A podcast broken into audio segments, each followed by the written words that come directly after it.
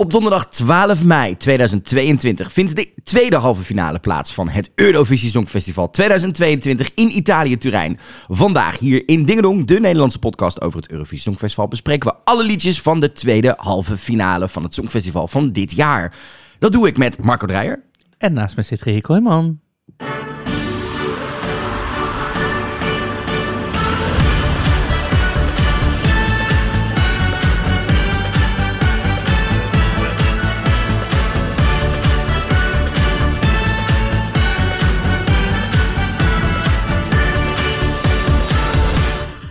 Leuk dat je weer luistert naar Dingedong, de Nederlandse podcast over het Eurovisie Songfestival met Marco Dreyer. En met Rico Kooijman. Vandaag in deze special bespreken we alle liedjes van de tweede halve finale van het Eurovisie Songfestival 2022 en de drie andere finalisten van het Songfestival die al bekend zijn. Dit is natuurlijk special nummer 2. Heb je de eerste special nog niet geluisterd, kun je even terugscrollen in je podcastfeed, die staat er ook. Wat krijg je van ons vandaag? We bespreken alle liedjes met een korte preview je krijgt wat meer achtergrondinfo over de artiesten en de liedjes. Je krijgt onze meningen. En aan het einde doen wij natuurlijk een voorspelling. Welke tien landen wij denken dat er doorgaan naar het Songfestival. En die voorspelling kan nog wel eens veranderen, hè Marco? Zeker, want we gaan nu gebaseerd op wat we tot nu toe hebben gezien, gehoord, uh, meegemaakt. Nou ja, meegemaakt. En uh, nou ja, zodra eigenlijk de repetities begint, dan gaan onze meningen waarschijnlijk ook wel shiften. En dan tot, tot de halve finale. Ik weet, weet niet precies wanneer we de laatste gaan doen, maar dat spreken we nog wel af in de, in de reguliere podcast. Wanneer we. Dit is de, je laatste. Je laatste inzetmoment, ja, inderdaad. Ja. ja. en mocht je voor het eerst luisteren, welkom. Wij zijn Marco en GJ en wij maken wekelijks een podcast over het Eurovisie Songfestival. Vol nieuwtjes, meningen, drama, hot topics, spelletjes, hilariteit nog veel meer. Mhm. Dus als je er voor het eerst bij bent, veel plezier met deze special. Dit zijn onze twee specials die we maken, waardoor we hopen dat jij als je gaat kijken op 10, 12 en 14 mei, alles weten over het Songfestival. In ieder geval qua liedjes, zodat jij als de Songfestival-expert op de bank kan zitten met al je vrienden. Of in ieder geval aan de andere kant, als je nu net inkomt bij het Songfestival, in ieder geval de komende maand, iedereen die je wat vraagt over het Songfestival, alvast wat extra meer info kan gaan geven. Dus uh, daar gaan we vandaag aan beginnen. Vandaag gaat het in totaal over 18 liedjes. Die we in de volgorde behandelen zoals ze verschijnen in de tweede halve finale. Ja, want dat speelt natuurlijk ook mee. Hè? Dat is ook iets waar we rekening mee houden van hoe vallen nummers na elkaar? Hoe gaan mensen daarop reageren? Wat gaan we daarvan krijgen? Dat wordt allemaal heel erg spannend. We beginnen als eerste met Finland. Finland stuurt dit jaar, uh, zoals ze wel vaker doen, een rockband. Maar niet zomaar een rockband. Een rockband die we al bijna 20 jaar kennen. Een rockband die één grote hit heeft gehad. Daarna nog wel lekker lang is bezig geweest. En twintig jaar later knallen ze het Songfestival in. Met het liedje Jezebel zijn dit The Rasmus voor Finland.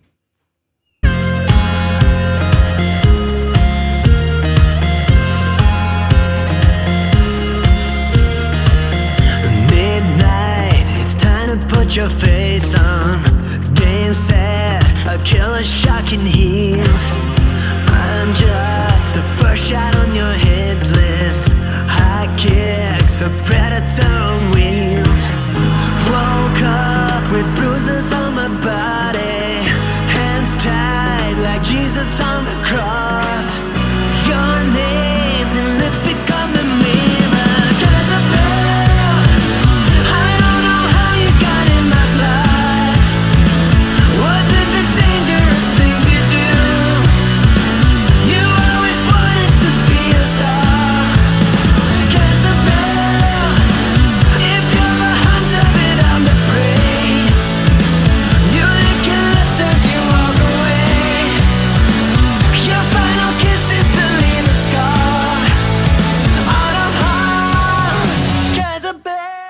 Ja, Jezebel van de Rasmus dus voor Finland. Nou, eh, ze hopen dat het eh, in ieder geval beter gaat doen dan de laatste keer dat ze een act sturen uit de begin 2000 die doet. Want met The Root ging het natuurlijk niet zo heel goed.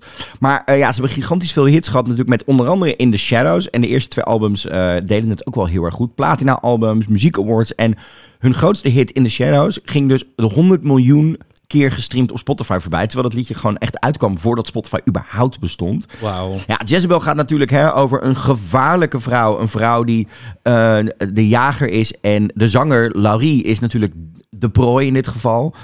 Het is een, eh, een, een nummer zoals we wel bekend zijn van de heren. Een beetje pop, rock, punk. Een beetje in die zin. Hè. Het, het- het doet niet af van de sound die ze het begin 2000 hadden, waar we van kennen. Het is een nummer met een krachtig eh, refrein. Een refrein wat je lekker meezingt. Een, een, een goede snerpende gitaar, in zoals we gewend zijn van de band The Rasmus. En met dit nummer trekken ze naar Turijn toe van, eh, na een overweldigende overwinning in Finland bij de nationale finale. Marco, wat vind je van het nummer? Ik ehm, vind het op zich een aanstekelijk nummer. Ik, eh, het, het moment dat ik het hoorde, daarna kon je gewoon meteen... Zeg maar, je hoort het eerste refrein en het tweede refrein loop je al mee te blaren met Jezebel. Dus dat, dat is wat dat betreft lekker. Nou, eh, brengt het feit ons bij het feit dat we dit eh, ook live hebben gezien bij Eurovision in concert. En, Onder andere, we ehm, hebben natuurlijk ook, eh, ze hebben natuurlijk ook bij de pre-party gestaan in Israël. We hebben de nationale finale ook kunnen zien. Dus Wij we hebben baseren, het live Ja. fysiek gezien. ja, en we baseren ons op meerdere, maar dat was eigenlijk was Eurovision in Ja. concert een bevestiging van wat we al vreesden. Dat was dat ik daar stond en dat ik dacht, maar wat zeg je nou eigenlijk allemaal? En het was ook gewoon vals wel. Ja. Eh, niet eens een beetje, maar gewoon finaal vals. En dat vond ik ook wel heel verrassend. Vooral omdat, je zegt het net allemaal, dit is niet vorige week begonnen, deze band. Dus ik, hoe ik het, ehm, eh, ik vind het een lekker nummer. Ik denk toch, omdat er volgens mij best wel wat rockfans zijn, dat het het wel redelijk oké gaat doen. Maar ik, het live denk ik, eh, en dan komt er ook nog heel veel afleiding met het decor. Dat sowieso, want we weten ondertussen dat de, heren gaan dingen doen met grote ballonnen. En daar doorheen lopen. En er doorheen lopen. We hebben ondertussen de stage outfits ook al gezien. Eh, ze houden het geel-zwartere thema wat ze Ah. eh, in de, eh, de nationale finale hadden met hun backdrop. Dus dat is en de clip en alles. Dat zetten ze zeker door. Ik ben het met je eens. Het is een, een sterk, catchy nummer. Ehm, het is een sterk, catchy pop-rock nummer in die zin. Het zingt inderdaad letterlijk best wel lekker mee. Alleen inderdaad, mijn grootste probleem zit gewoon dat de zanger Laurie gewoon niet articuleert. Het is voor mij... In, het, bedoel, de tekst gaat al redelijk rap. Ik bedoel, ik zit af en toe... Je moet aandachtig luisteren naar de eh, complete... In, op de studioversie die wij net draaiden.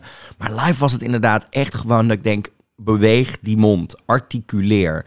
En vals zingen, eh, zoals wij zagen bij Eurovision Concert, daar kun je nog iets aan doen. Weet je, dat kun, we weten dat hij het live namelijk wel kan. Dus dan zit je toch met, oké, misschien had hij een slechte dag. Hè? Eh, Zeker het vele reizen, dat hoorden we van meerdere kandidaten tijdens Eurovision Concert.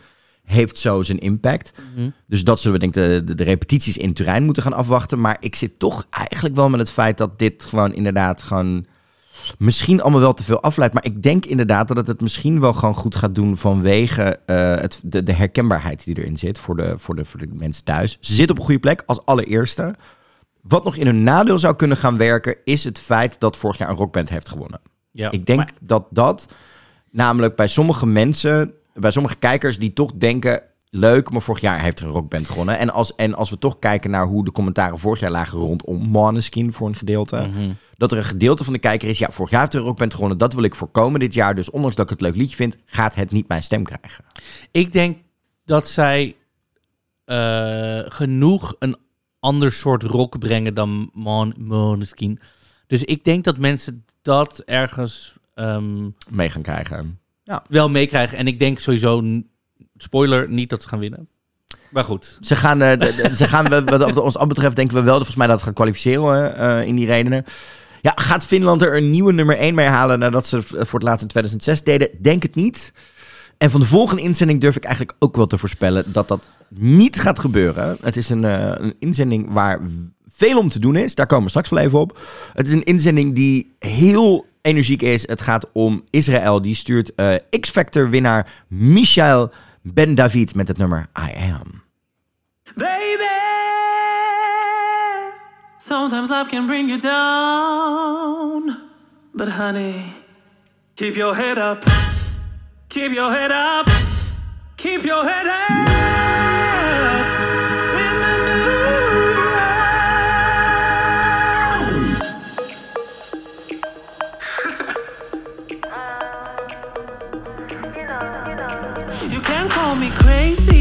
Or just call my name. You can say that I'm stunning, it's not a shame. Cause I know I am. I know I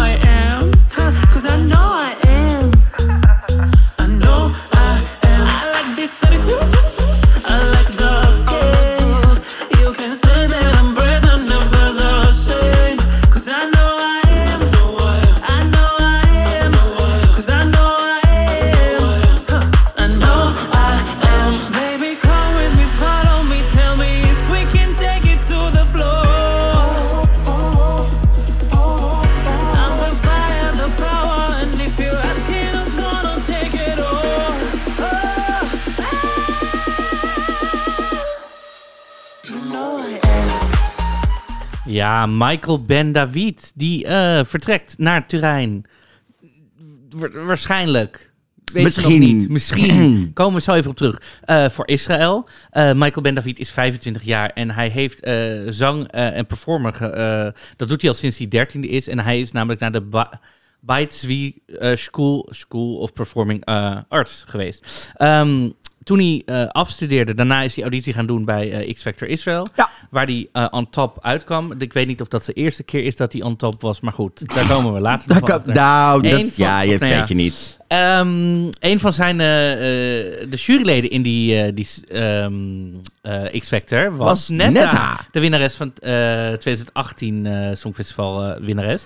En ehm, Hij kreeg één puntje meer dan de, de ander. Hè. Die kreeg de voorkeur van de, de X-Factor als van de jury van muziekprofessionals. Maar uiteindelijk kreeg hij van de televote, dus van de, de Israëlische kijkers, genoeg stemmen. Waardoor hij de zege kreeg. Ja, ze hebben het natuurlijk vier keer gewonnen. En zes keer achter elkaar eh, haalde Israël de finale. Gaat Michael Ben David dat ook doen met dit nummer? I don't know. Voor mij, en dat heeft puur met mijn persoonlijke... Ik, dit is zo'n nummer waarbij ik het heel moeilijk vind... om mijn eigen persoonlijke muzieksmaak los te trekken... van wat ik van het Songfestival weet. Dat heeft ermee te maken dat, en dit hebben wij, als je onze podcast wat langer volgt, al wel eerder besproken. Dit type nummer ken ik. Als je, eh, zeker in, in, in de, queercultuur, waar wij heel veel mee te maken hebben. Hè, jij, werkt in de cultuursector en je werkt heel veel met drag queens. Ik maak ook, ook podcasts over drag queens. Ik werk heel veel in, op queer evenementen. Dit ken je wel. Dit is eigenlijk een soort Todrick Hall light. Een soort, ehm, nou wat ze bij Drag Race, eh RuPaul's Drag Race doen. Als ze All-Stars een seizoen beginnen met een talentenshow of als finale nummer. Dan zit er ook zo'n nummer in. Een nummer die, wat heel erg vol zit met luchtige empowerment. Allemaal, ik kan het, ik wil het, ik heb de kroon, ik heb dat. Maar dan wordt er niet helemaal uitgelegd waarom dat zo is. Het is een soort van heel hard schreeuwen dat je de beste bent. Maar uitleggen waarom je de beste bent zit er niet in. Dat is ten eerste. Ten tweede vind ik het nummer qua opbouw gaat het te veel alle kanten op. En denk ik ook, en dit is gebaseerd op de live optredens die we hem met dit nummer hebben zien doen. Vooral bij eh, Israel Calling, de Israëlische voor pre-party. Hij komt, en dat wil hij ook uitstralen, heel zelfverzekerd over. Maar ik denk dat de manier waarop hij dat doet, hij geen connectie met, met het publiek gaat maken. Dus de, de, de- de mensen, zeker in een talentenjacht en zeker bij een show als de, de Eurovisie, houden gewoon van een beetje iets waarbij je mee kunt connecten. En ik denk dat de manier waarop hij zich presenteert dat net niet gaat doen. Dat zijn een beetje mijn dingen ermee. Hoe zit jij in deze wedstrijd qua Israël, Marco? Wat ik. ehm, ik denk dus dat hij. Kijk, dit is een nummer. eh, er is natuurlijk verschillend publiek bij Songfestival. Verschillende mensen. Dat is heel fijn. Ik denk dat hij een beetje een appeal doet op de theatrale mensen in het publiek. Dus dat zijn een beetje de musical mensen. De mensen die gewoon heel zo door het leven gaan. Die gewoon af en toe een nummer nodig hebben. Wat, waarmee ze even lekker helemaal los kunnen gaan qua dans. Hij heeft er ook gewoon heel veel uithalen in gepropt. Dus dan kunnen alle mensen die fan zijn van, eh, van zang... kunnen ook gewoon eh, eventjes los. En er zitten natuurlijk ook heel veel jonge kijkers te kijken... die misschien wel wat onzeker zijn of nog in de kast zitten. En dan is dit gewoon zo'n anthem dat je even in je eentje... op je slaapkamer... I know I am, weet je wel. Misschien dat je stiekem de hakken van je, je moeder steelt... en dan even jezelf voelt. Ik denk dat dat gewoon een beetje Ja. eh, doel is van dit nummer. Ik denk ook, wat jij zegt, er mist een beetje de essentie van het nummer, waarin je dus uitlegt waarom je de beste bent. Ik denk dat dat helemaal niet het doel is van dit nummer, om verder een essentie in mensen hun leven te brengen. Ik denk dat dit gewoon vermaak is, mensen goed moet laten voelen. En verder, ja, dan denk ik, ja, dat gebeurt denk ik wel. Ik denk dat je drie minuten een feestje hebt. Er gebeurt genoeg op dat podium qua dans en zo. Eens, ja, en verder moet je er eigenlijk, denk ik, geen, eh, geen vraagtekens bij zetten. Het is vermaak, ik heb me vermaakt. Er is weer een homo met dansers op het podium geweest. Ha, van de Ja, dat- Songfestival. ja, ik- Oké, ik, snap denk, je. Ja, ik Ja, denk dat dat gewoon... Daarom zeg ik, ik vind het voor mij moeilijk om een persoonlijke smaak over dit nummer en, en die dingen eruit te halen. Daarnaast moeten we het ook nog even hebben over... Er is Ja. vraag of Michael Ben David überhaupt naar het Songfestival gaat afreizen. Hoe Ja. zit dit namelijk? Wat is er namelijk gebeurd? Eh, het, het, het rommelt al een tijdje rond de Israëlische inzending. Hè? Er was vanaf het moment dat die is gekozen. ja, eh, er was gedoe met de schrijvers die geen accreditaties kregen om mee te gaan naar Turijn. Er was misschien geen geld om het nummer wat ze dan te noemen revampen. Hè? Dus nadat het nummer uitgebracht is, heb je nog een paar weken tot de deadline van het Om het Songfestival is. tweaken, om Om het er even nog goed... ja, dus eh, de extra fluitjes en dingen die je bijvoorbeeld Kijk, hoort in X-Factor nummer. wordt ze natuurlijk best wel snel geschreven. Ja. En dan geeft het nog even iets tijd tijd om even... Nou, ja. Daar was ook gedoe over, maar op dit moment speelt er, eh, op het moment van opname, speelt er een ding met het feit dat de Israëlische omroep kan heeft gezegd dat ze waarschijnlijk niet gaan afreizen naar Turijn. Vanwege het feit dat de Israëlische ehm, Nationale beveiliging heeft een staking. heeft een staking. En eh, vanwege de conflicten die in de wereld en zeker ook in Israël spelen, neemt de Israëlische delegatie altijd persoonlijke beveiliging mee.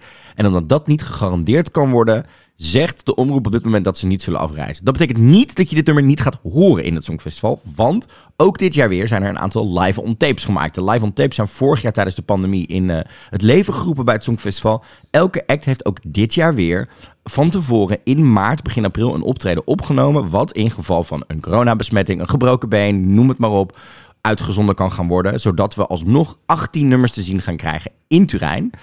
De vraag is dus, gaan we Michael Ben Davids zijn live on tape zien? Of gaat hij daar live aanwezig zijn? Het is nog even afwachten, maar vorig jaar hebben we met Australië en IJsland gezien dat het dus wel mogelijk is. Dus de kans is heel groot dat je dit liedje gewoon gaat horen, maar dat Michael Ben David daar niet live op het podium I Am gaat zijn. Wie er wel waarschijnlijk live gaat zijn. En een act waar veel over gesproken gaat worden in de week voor het Songfestival. Dat gebeurt nu al. Een spraakmakende, opvallende en misschien wat meer kunstzinnige inzendingen komt dit jaar van Constracta. Zij gaat voor Servië met het nummer Incorpore Sano.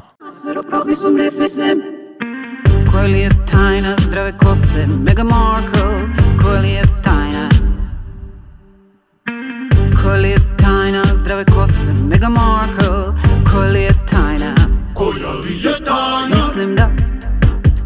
U pitanju je duboka hidratacija. Kažu da. Na koži i kosi se jasno vidi sve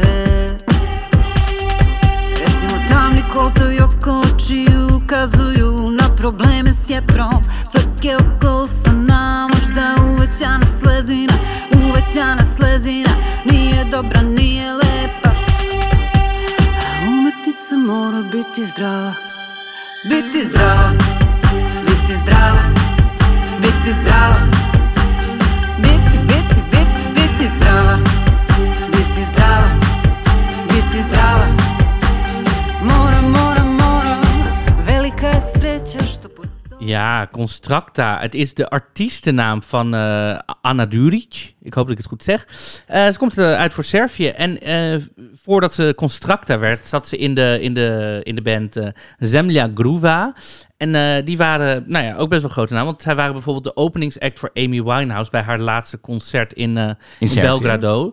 Dus dat, ehm, zo gezegd. En ze is, nou ja, dat merken we ook aan alles... met alles wat ze uitbrengt. Eh, een conceptuele artiest. Ze is heel erg geïnteresseerd in de hedendaagse cultuur... en wat er gebeurt in de wereld. Ehm, en het nummer wat ze stuurt in Compore Sano... is door een aantal mensen ook geïnterpreteerd... eh, om, het, of, om de Servische ja, zorg eh, een beetje onder de loep te nemen van hè, na deze hele pandemie. We zien haar in de clip handen wassen. Het is een hele Zagen ook in de act op, eh, op het podium bij de Servische finale. het is een hele ehm, conceptuele kunstenaar. Dat doet ze met alles wat ze uitbrengt.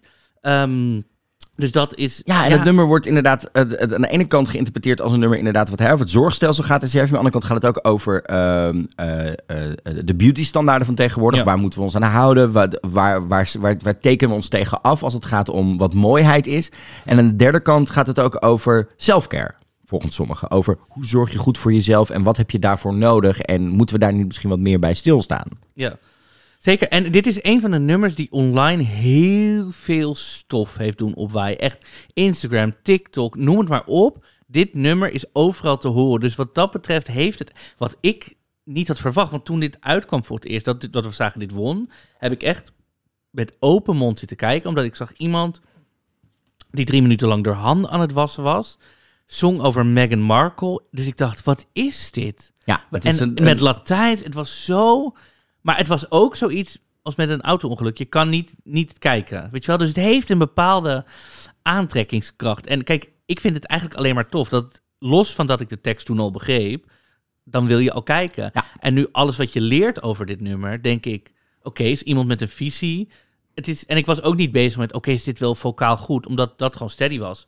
Dus dan, ja, het sleurt je toch wel naar binnen. Dus ik vind dit een van de meest bepalende nummers van dit jaar, denk ik. Ik denk als we over, weet ik veel hoeveel jaar terugkijken, nou oké, 2022, oh ja, dat handen wassen, dan gaan we hier naartoe kijken, toch? Of, Nee, ik ben het zeker met je eens. Het was, het was een inzending die. eh, ik denk dat we hierbij heel erg. ehm, in het begin het contrast zagen met de, de, de- de powerhouse pop die we vorig jaar van Servië kregen hè, met Hurricane.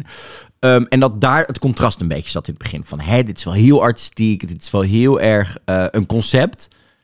Het kan dit werken? Werkt dit? Wat probeert ze nou te zeggen en te doen? En ik moet je zeggen dat bij mij het over de tijd heen ook heel erg in waardering is gegroeid. Ten eerste, de act is super sterk. Ze is denk ik echt wel een lievelingetje onder de Eurovisie-fans geworden ondertussen. Met de manier waarop ze het doet. We zagen bijvoorbeeld in Israël dat ook ehm, het publiek wat het misschien nog niet kent... gelijk door het refrein met dat Bit Slava, met het klappen gelijk begint mee te klappen. Het is een heel catchy nummer waar echt wel iets in zit. Ik denk dat het op een goede manier, zeker na de, de, de knallende openers die we krijgen van eh, de Rasmus en eh, Michael Ben David van Israël, heel erg goed kan werken. Het trekt echt namelijk de aandacht. Op een of andere manier zit er iets niet alleen in haar stem, maar ook in hoe ze zich presenteert, haar ogen, haar stem. Iets wat heel erg intrigeert. En daarom denk ik dat het zeker bij de jury's heel goed gaat scoren. Ik denk dat het een groot deel van het publiek zal intrigeren. En ik hoop, weet ik niet zeker, dat het dan ook in stemmen door bepaalt. Het enige waar ik bang voor ben, is dat omdat het nummer niet in het Engels is, maar in een andere taal en redelijk abstract en conceptueel is, dat het voor mij, en dat weten we bij het Songfestival, een beetje afhangt van wat vertellen de landen in die 45 tot, tot 90 seconden van die commentatoren. Als die dit al afzeiken of, nou, dan krijgen we nu de grappigste act van dit jaar. Eh, we- je handen wassen, je kunt ook even gaan plassen of je kunt ook whatever, weet je. Als die het al op een bepaalde manier inkleuren, dan is dit omdat het zo'n conceptueel ding is, kan de kijker daar heel snel in meegaan. En dat zou ik echt wel, echt wel heel erg jammer vinden. Ehm, ja, het is, weet je, het is gewoon echt een heel erg goed nummer. Ze werden natuurlijk eerst in 2007 met Molitva, ook een nummer wat toen een beetje buiten de boot viel qua concept. Servië, niet deze Servië, zangeres. ja, nee, Servië. Hè, dat was iets wat echt wel eh, eh, ook buiten de ja, band sprong bij de, wat de rest van het jaar daartussen zat. En daarom ook heel erg goed. Zouden ze dat dit jaar weer kunnen doen? Overwinning zit er niet in, maar ik hoop wel dat dit goed gaat scoren en zeker de finale haalt. Ook omdat het Songfestival het verdient. Het do- voldoet namelijk zeker wel aan de maatstaven die wij zeggen de laatste jaren heel belangrijk zijn voor het Songfestival. Namelijk, zing iets in je eigen taal, schrijf het zelf en sta achter je concept en durf ervoor te gaan. Als dat goed uitpakt, zou het kunnen werken. Aan de andere kant hebben we vorig jaar gezien, bijvoorbeeld bij Leslie Roy. Daar, tuurlijk, daar zat het ook in de vocalen. Maar als je met een te hoog concept die kant op gaat, zou het een kijker ook kunnen afschrikken. Wat dat betreft vind ik het een spannende inzending, maar ben ik heel blij dat hij ertussen zit. Gaan we door naar Azerbeidzjan. Een land wat ook al jaren ijzersterk in ieder geval zijn stempel probeert te drukken op het Songfestival. Dit jaar proberen ze dat ook weer met Nadir Roustamli met het liedje Fade to Black.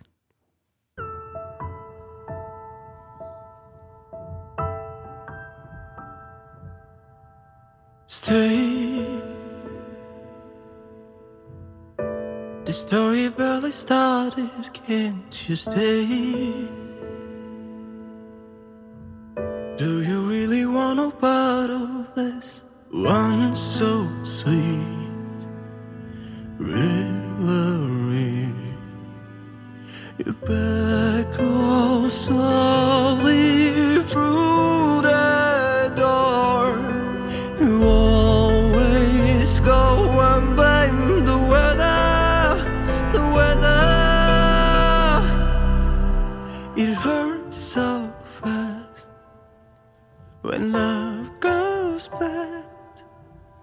until at last we fade to black. In the night. Nadir Rusdamli met het liedje Fade to Black voor Azerbeidzjan. Eh, deze man heeft echt een soort van wereld, zeg maar, storm over zich heen. Want die man die gaat gewoon drie weken nadat hij de Voice van Azerbeidzjan eh, won, met meer dan 40% van de stemmen. Toen kreeg al te horen, en jij gaat naar het Songfestival toe. Ehm, nou ja, het- het- en ook nog eens een keer, zijn mentor in die show was Eldar Gazimov. Die won natuurlijk samen met eh Nicky in 2011 het Songfestival met Running Scared. Hè. Toen ging het Songfestival natuurlijk het jaar daarna naar Baku toe. Daar waar uiteindelijk Lorraine won. Ehm, dus ja, dus het is echt, het is ook nog een keer een droom voor uh, Nadir om naar het Songfestival te gaan. Want hij, hij neemt al zeven jaar pianolessen, muziekschool gedaan, zit in een band waar hij ook nog lead vocals is en ook nog artistiek directeur is, wat dat betreft. Ehm, dus deze man is echt wel heel erg lekker bezig. Hoe doen deze mensen dit? Hij is 22. Ja, sommige mensen beginnen vroeg, kindersterren, you- het, het kan gewoon inderdaad. Het liedje Daarentegen, Fade to Black is voor mij een beetje in een jaar waarin we redelijk wat melancholie hebben. Eh, we, we spraken het in de eerste podcast al. Het thema van verlaten worden, het thema van alleen zijn of eenzaamheid, het thema van verdriet zit in heel veel nummers dit jaar. En het is het jaar van de mannenballade. Sowieso. Zeker, de mannen hebben dit jaar de ballade eh, het stokje zeker overgenomen. En dan moet ik je eerlijk zeggen, dit valt voor mij in hetzelfde, en dan moet je de eerste podcast, eh, de eerste special geluisterd hebben, in hetzelfde ja, hoekje als Zwitserland. Het is een ballade waarin redelijk wat eh, clichés voorbij komen. Het is een nummer wat ik al eerder en ehm, je weet het, bedoel, we hebben het allebei. Jij veel meer dan ik hebben een voorliefde voor musicals, maar dit nummer voelt als een nummer wat beter in een musical past dan dan op zichzelf staat in die zin. Eh, de- het, voelt alsof het een langer verhaal vertelt waarin we één stukje van dit verhaal krijgen en niet het hele verhaal. En daarnaast heb ik persoonlijk gewoon iets met de manier waarop hij zijn stem gebruikt en ook weer zijn pauzes laat vallen dat ik denk, het, het, het voelt alsof je een emotie speelt in plaats van voelt. En bij een aantal andere mannen dit jaar heb ik het idee dat ze de emotie echt voelen. En bij hem, misschien komt dat door de muziekschool, misschien komt het doordat hij ook zijn eigen artistieke directeur, eh, directeur was in die band, dat hij te veel de regie heeft en te veel denkt, ik wil dat het zo overkomt in plaats van, eh, nou pak ik bijvoorbeeld even S10 erbij en een aantal andere zangers en zangeressen dit jaar, waaronder een Rosalind uit Armenië, ehm, een Christian Ochman uit Polen. Dat daar voelt het natuurlijker dat ze de emotie de kans geven in het nummer. Ik heb het idee dat hij het speelt. En daarom ben ik er niet zo'n fan van. Omdat gewoon dat soort dingen werken voor mij er heel erg tegen. Eh, Marco, jij bent onze resident musical liefhebber, expert, hoofdrolspeler, ensemblelid. Al sinds je jong bent. Jij hebt hetzelfde soort carrièrepad gehad als deze man. Snap jij wat deze man doet? Of zit jij aan mijn kant van de, van de, van de pot? Nou, ik snap het wel iets meer, want toen ik natuurlijk de Voice won, ook met meer dan 40% van de publiekstemmen. eh, nee, nee, De Voice of Asselbladam. Nee, ik. nee, ik connect veel meer met dit nummer dan jij. En ik, ik, eh, ik moet zeggen, de meeste van mijn favoriete artiesten zijn mannen. En ik heb, eh, zoals ik al vaker in de gewone podcast zeg, vrij mellow, ballade, dramatische muziek. Niet een dramatische muzieksmaak misschien ook, maar ik hou van die hele. Dit- Dus dit ligt wat dat betreft heel erg in mijn straatje. Ja, ik kom dan uit die musicalhoek en misschien kan ik het dan ook wel heel erg waarderen misschien als iemand heel erg in control is. Ehm, maar ik Maar vind het gewoon, het bouwt, het bouwt, ja nee, ik zit gewoon heel erg in dit nummer. Op het moment, hij heeft gewoon, en ik vind het, dat hij een hele fijne stem heeft. Hij bouwt het best wel uit naar steeds dramatischer, dramatischer, groter, groter, groter, groter. Dus ik vind het heel lekker. Dat gezegd hebbende, weet ik wat ik net zei. Het is het jaar van de mannenballade. Is dit de sterkste van de groep? Zeker niet. En dat komt wel. Ik kan heel erg waarderen dat hij eh, die, die control heeft, zeg maar. Maar ik moet zeggen, ik heb hem denk ik ook van iedereen het minst op filmpjes en live Ja. dingen gezien, volgens mij. Klopt. Dus wat dat betreft mis ik ook nog een stukje connectie, live. eh Ja, en ik heb- En ehm, ik, dan denk ik, oké, we, we hebben dan, ik heb dan Polen in mijn achtergrond, weet je wel. Australië. Australië. Nou ja, goed. Ehm, eh, zelfs Engeland is niet per Ja. se een ballad, maar daar, vocaal zit daar wel echt een flinke drama in. Dan weet je, als je mij vraagt wat is de, de mannenballade van dit jaar, zou ik eerder neigen bij, bij Polen of Engeland te noemen dan, dan dat ik Dan ja. Azerbeidzjan. En dat is een beetje het probleem, denk ik. Dat, eh, dat kan me heel goed voorstellen dat je in dat hoekje zit. Kijk, Azerbeidzjan is natuurlijk wel ijzersterk. Hè? Ze doen voor de veertiende keer mee. Dertiende keer daar, dertien van die veertien keer...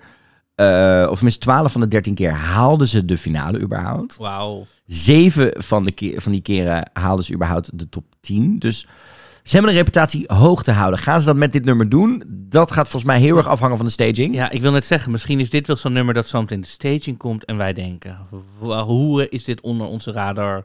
dat, maar het zou ook aan de andere kant een staging kunnen zijn dat je denkt... Oh nee. Dit hebben we al 47 miljoen keer gezien. Dat, of dat je denkt, oh nee, je hebt iets, je hebt helemaal carte blanche gekregen, maar daar niet meer mee aan de kijker gedacht. Ja. Dat, eh, dat gaan we zeker krijgen. Nog een inzending. Dit is wel een inzending met opvallende nummers die erin zitten. Mysterieuze nummers. En eh, dingen die gebeuren. We zagen Subwoofer al in de eerste halve finale met maskers. Maar maskers en geheime identiteiten is ook wel iets wat meespeelt in deze tweede halve finale. De eerste act die we daarin tegenkomen die daar eh, iets mee te maken had, is namelijk de act voor Georgië, die sturen dit jaar namelijk Lock Me In van de mysterieuze band Circus Mircus. Show me what you got. On the count of, from the ground up now. Here we come as we on up. Mama said not to show what you are. Step it up now. Get it done now. What you got? Shoot it to the stars. To the top now. Cross the moon and down. We're here we blow up. Trying hard will not get you really. Mix it up now. It's alright, pal.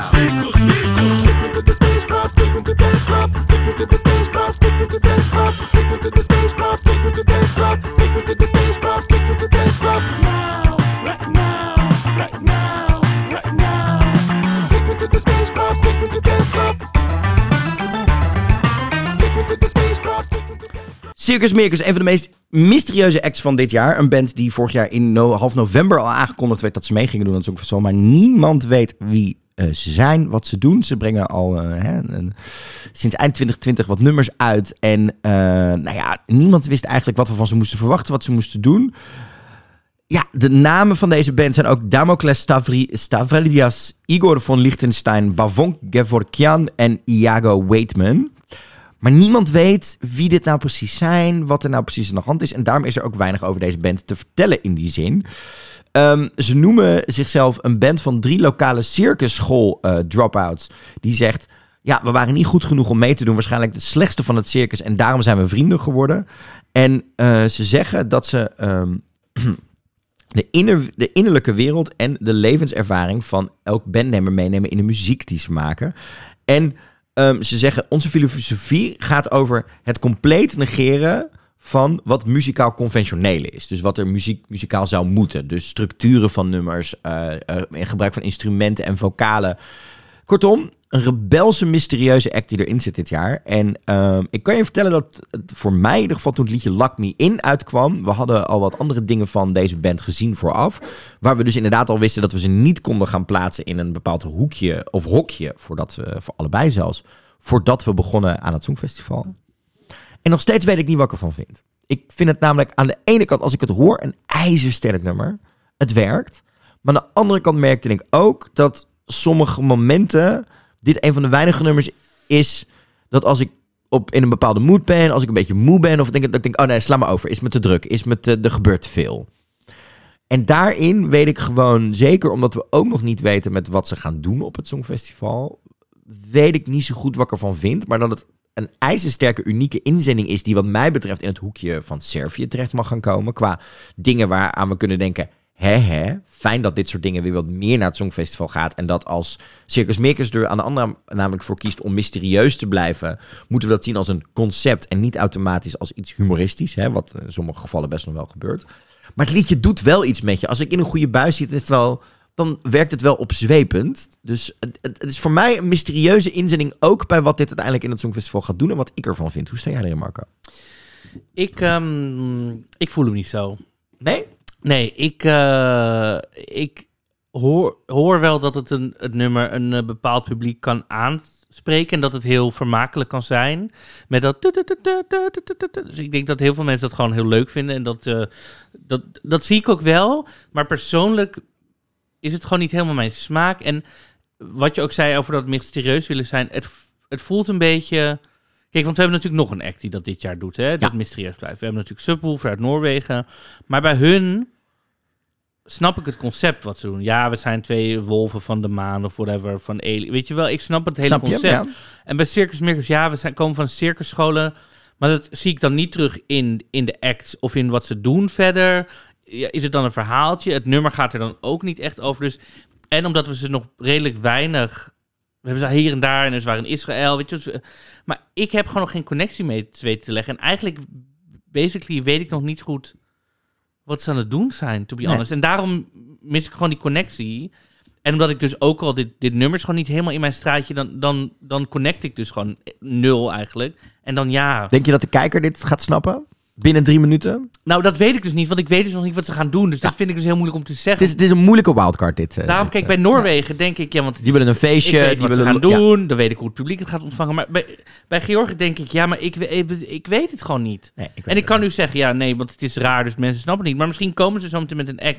En dan in die drie minuten denk ik, ah, dit vertellen jullie. En dan is het super Super tof, ja. Maar ik zit nu gewoon heel erg in die, ik, ik heb het gewoon nog niet gezien of zo. Nee, Snap ik. Ik snap en heel het erg nummer goed. is nog niet goed of niet goed genoeg, niet Catchy genoeg. catch er zit niks, niks het unieks in. mij persoonlijk niet genoeg aan om losstaand, omdat dat ik dat goed vind. Ja. Dat is het. Interessant- Interessante deelnemer dus dit jaar. We gaan zien of Georgië hè, het, het gaat lukken. Want ze haalden voor 2016 pas voor de laatste keer de finale. Eh, ik weet niet of ze dat dit jaar weer gaat lukken. We gaan het meemaken. Misschien moeten ze nog een jaartje extra wachten. We gaan het zien. Volgende inzending is vanuit Malta, Marco. De volgende inzending komt van een dame die het Malta Eurovision Song Contest won. Met een ander liedje dan wat je nu gaat horen.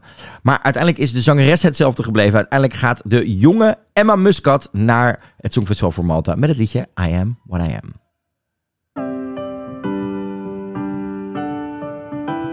Every time I fall down, soon as I hit the ground, remind me who I am, yeah, and I'll get back up again. I'm getting up, getting up, yeah. This is not my master plan.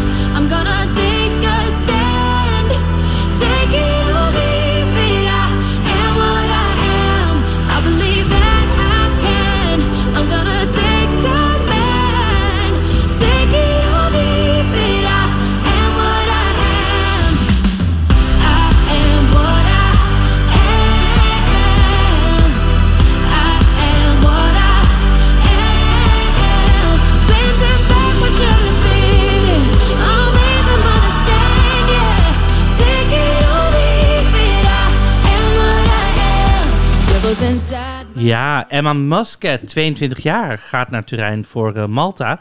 Als we de mensen bij Eurovision in Concert kunnen geloven, dan wordt het een van de meezingers van dit, eh, van dit jaar.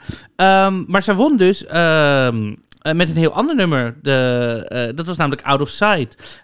Op 14 maart echter werd het lied vervangen door I Am What I Am. Ze kozen toch uiteindelijk voor dit nummer wat ze sterker vonden ehm, voor, het, eh, ja, voor het Songfestival.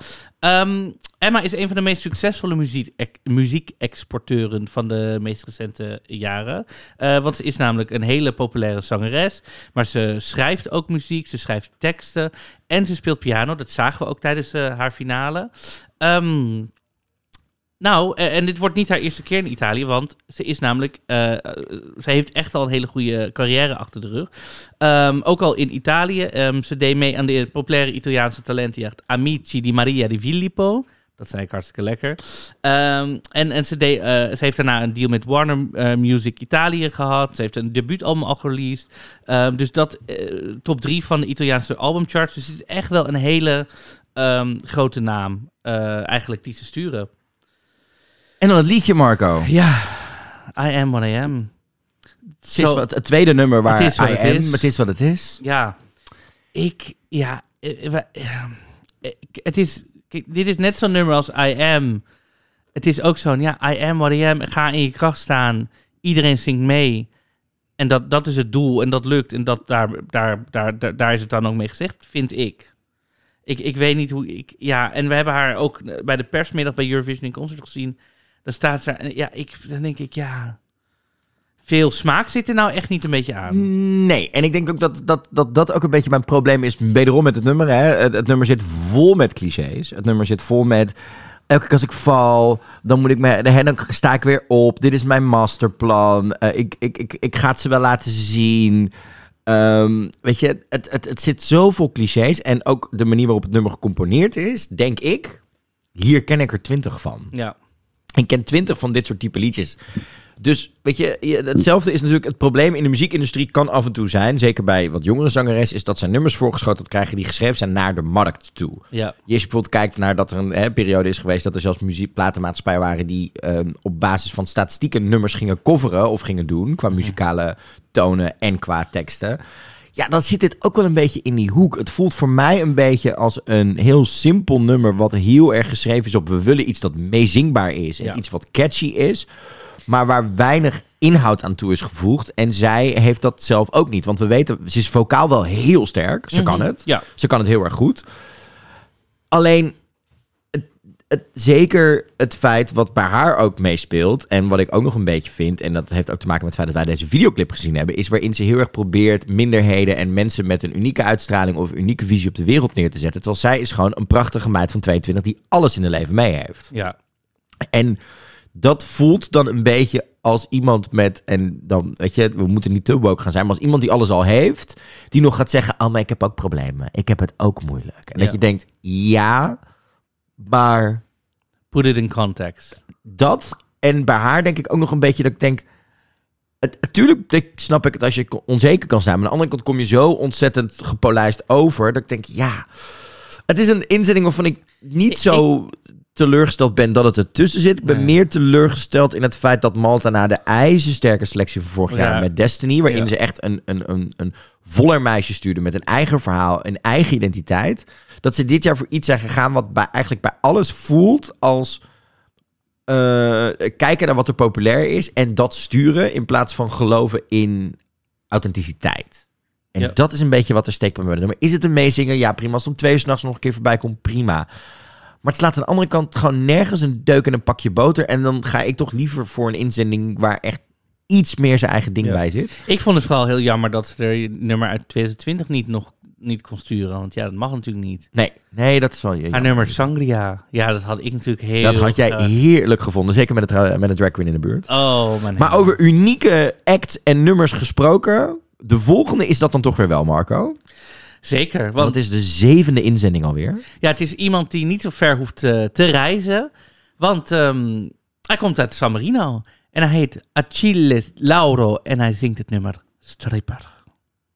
È una stripper, sì, quest'amore è uno strip club.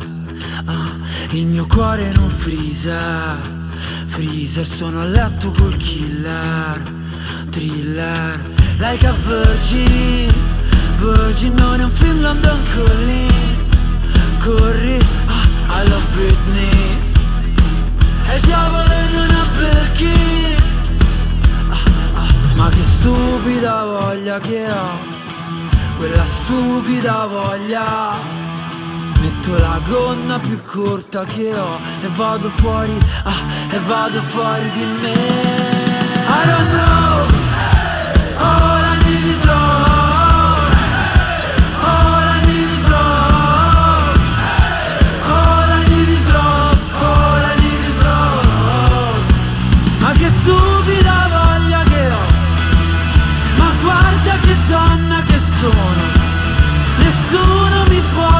giudicare Ti fidi di me? Che stupido uomo I'm a stripper. Da da da da da. Da, da. Nee, Achille Laura is een zeer eh, ja, eclectische zanger, kan je hem wel noemen, met al zijn En tatoeages. rapper, songwriter, alles erop en eraan. Alles. Hij komt uit Verona, Italië van origine. Hij deed namelijk eerst al drie keer mee aan Festival di Sanremo in Italië in 2019, 2020 en 2022. Ja. Dat won hij niet. Ondanks dat hij daar ook een redelijk opzienbare act heeft. En goed om te weten, hij deed daar niet mee met hetzelfde liedje. Nee. Hij En drie weken later deed hij mee in de nationale finale van San Marino met dit liedje. Ja, deed hij mee aan Una Voce por, per San Marino. En dat won hij wel. Dus nu mag hij voor San Marino eh, naar het Songfestival. Hij is niet alleen eh, goed in muziek maken. Hij acteert ook. Hij regisseert. Hij is ook een bekroond filmproducent. En hij host tv-shows. Hij zet kunstentoonstellingen op. Hij schrijft. Hij heeft meerdere boeken geschreven. Drie zelfs. En hij treedt op als creatief directeur van een plaatlabel. Dus dit is iemand die... Dit is gewoon de Italiaanse Marco Dreyer. Precies, precies, precies. Goed idee, de Marco Dreyer plaatlabel. Ehm, maar ik, ik, ehm, ik vind dit... Ik, ja, ik, ik zie toch wel een beetje de invloeden uit Måneskin vorig jaar. Ja. Zo'n beetje een rockster die dan seks probeert te verkopen. Maar dat, Wel met een, met, met- een liedje wat probeert te gaan over eh, feminisme. Hè? Over, over eh, een vrouw die weet wat ze wil. Een vrouw die eh, ze aan de ene kant seks gebruikt voor haar kracht, maar aan de andere kant ook de macht heeft. Tenminste, dat probeert hij te zingen. Ja, alleen vind ik het dan, nu je dit ook zegt, denk ik, maar waarom stuurt San Marino, en ik bedoel, dat, is- ze dit, maar hebben we ooit wel eens een vrouwelijke rocker gezien? Al op het Niet zo heel erg. Dat zou ik dan meer een unique selling point vinden. Dat ik denk, nou hé, hey, nu is het een man die dat voor Ja. vrouwen gaat vertellen. Ja, ik, ik, ehm, ik vind het op zich wel lekker. Zo, ah, maar het- vooral, ik moet zeggen, ik vind het vooral het begin dat hij zo een beetje zo... eh, eh, ah, maar een beetje dat zwoelen. Ja. Dat voel ik wel. Als je op een gegeven moment gas geeft, verliest hij me een beetje in de, in de algemeniteit. In dat, oh dit is een rocknummer. Ja. En dan mis ik het een beetje. Verder, ik vind het oké. Verder, het is fijn dat het er is dit jaar. Ja, het is er. Het is, ik vind het niet fantastisch. Slecht is het ook niet. Ik heb hem nog niet, volgens mij, echt We hebben hem heel live val. gezien. Nee, we hebben hem niet heel vals horen zingen. Het Of ding is meer is dat hij af en toe... Zeker ook omdat het nummer dat, dat, dat heeft... meer in dat, dat, dat, dat, dat sprekerige heigeren blijft hangen. Waardoor je af en toe denkt... Moet je wel iets meer kunnen verstaan, vriend? Daar, daar heeft hij nog af en toe zijn moeite mee. Maar het is, ja, het is, ik, hij doet me qua looks heel erg denken aan bijvoorbeeld Machine Gun Kelly. Hè? De- ook zo'n zo'n artiest vol met... Die rapt en zingt en vol met tatoeages zit. Hij heeft heel erg het bad boy imago. Ehm, wat ik denk dat wel lekker gaat werken. Het liedje is ook heel slim gebouwd, omdat dat refrein heeft eh, nog meer dan bijvoorbeeld een, een, een Emma Muscat dat heeft in deze, of Georgië wat we tegenkomen, of nog meer dan de Rasmus. Is dit wel een refrein wat je lekker meezingt? En ik denk dat dat zijn, zijn USP gaat zijn, dat dat hem best wel ver gaat brengen en misschien nog wel flink wat publiekstemmen op gaat leveren. Is het uniek? Zeker gezien Måneskin vorig jaar nee. En ik denk dat dat wederom hier een rol zal gaan spelen. Maar ik ben, het is wel, ja, zeker als we, weet je, na het, het, het, het, het soort van onoriginele, niks unieke van Malta komen, waar, zeg maar, dat is echt een 13 in een dozijn meisje, waar echt niks unieks aan zit, is dit de complete tegenovergestelde. En daar word ik wel heel erg blij van. Onvoorspelbaar voor mij eh, wat dit gaat doen op het Songfestival. Hangt er denk ik ook heel erg vanaf wat hij daarvan gaat plannen. Hè. Dit is echt zo'n inzending waarvan je denkt, ah, dit moeten we nog maar eens gaan zien. Hoe dat qua staging eruit gaat zien. Of hij het vocaal houdt. En eh, aan de andere kant of je misschien ook niet zeg maar, een beetje buiten de band gaat springen met zijn bad boy imago op het podium. Je weet het nooit. Er zit een water van decor. Wie weet belandt hij daar wel in. Ik weet het niet, maar ik vind dit wel, als ik het opzet, dat ik denk, ja, wel even lekker om mee te schreeuwen. Ik word er wel een beetje heel erg blij van die- in die zin. Dan gaan we door naar een inzending dit jaar van een ijzersterke stem. Een ijzersterke performer die al jaren de droom had om mee te gaan naar het Songfestival. En nu eindelijk die kans grijpt. Voor Australië gaat het namelijk om Sheldon Riley met de prachtige ballade Not the Same. I was told at six years old they'd avoid me if my heart was cold. Found it hard to talk and speak my mind. They never liked the things that I would like. Cause you're told to play, but you're not the same as the other kids playing the same game. Try to jump on in, but they push away so far away. I'm not the same. No,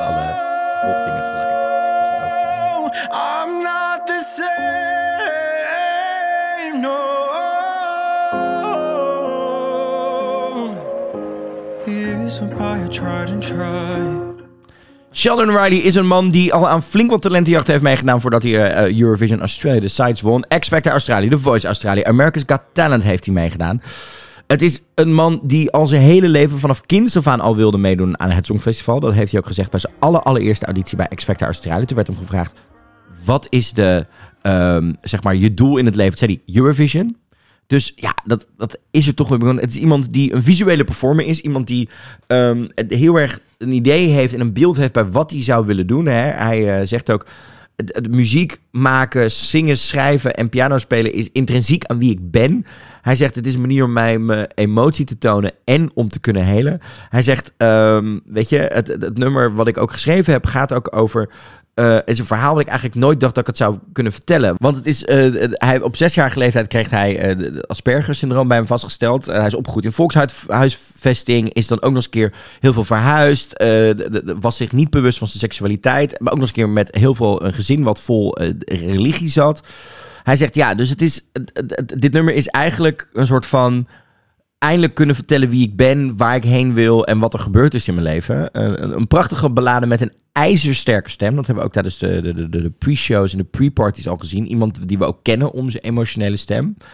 Maar aan de andere kant ook iemand die we kennen om zijn excentrieke en soms wat donkere stage performances. En dat is voor mij het enige nadeel aan de inzending van Sheldon dit jaar. Iets waar we het al een paar keer over gehad hebben in een normale podcast.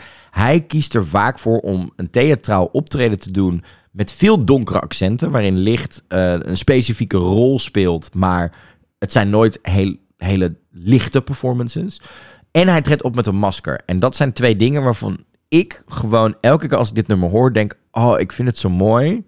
Maar ik vind het zo jammer dat hij zichzelf verbergt. Want dat zijn gewoon. Dus dit is een nummer waarbij ik me het, wederom tweedelig moet denken. Ik moet aan de ene kant denken, ik vind het een prachtig nummer. Het is prachtig gezongen. Hij doet het goed. Het zit goed in elkaar. Dit is nu echt een nummer, als we het hebben over nummers eerder deze halve finale, waarbij ik de emotie voel, waarbij ik de emotie geloof. Elke keer ook als hij het live zingt, pakt hij net andere accenten. En we hebben vorig jaar bij bijvoorbeeld John Steers eh, gezien, dat dat heel goed kan werken. Als je weet waar de vaste dingen zitten in het nummer, maar ook waar je jezelf even kunt laten gaan en het je kunt laten voelen en daarmee connectie maakt. Kijk naar John Steers eh, nogmaals vorig jaar.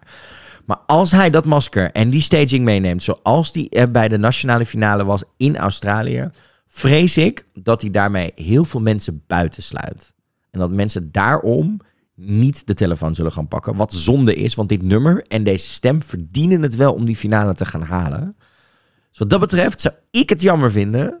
Jij, Marco, bent heel erg groot fan van Sheldon Riley. Al nog ver voordat hij mee ging doen aan de nationale finale eh, voor het Songfestival in Australië. Hoe sta jij hierin?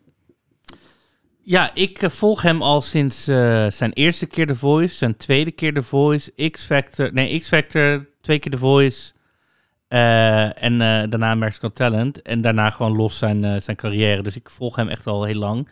Ik, ehm, ik vind zijn donkere, duistere pop wel lekker. Er zit namelijk gewoon weer dat heel echt over de top theatrale in, waar ik gewoon enorm van hou. Kijk, het is wat je zegt inderdaad over Sheldon met zijn masker. Ik, ik, eh, voor de mensen ook die de, die, de gewone podcast luisteren, die weten... ik heb echt een soort aversie tegen mensen met een zonnebril op, op het eh, podium... als er geen reden voor is. Mensen met maskers. Ik wil graag connecten. Dan zijn die maskers wel vaak... je kan er doorheen kijken, maar je, je, je verliest gewoon zoveel gezicht. Wat ik wel... Ik, ik ben dus bang dat het inderdaad te...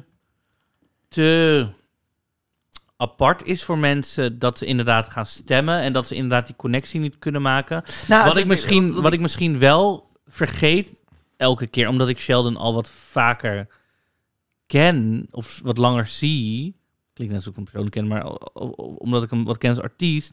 Kijk, de eerste keer dat je hem ziet, is het super indrukwekkend. Is het Ja. echt dat je denkt, wie is dit? Wat gebeurt hier? Wow.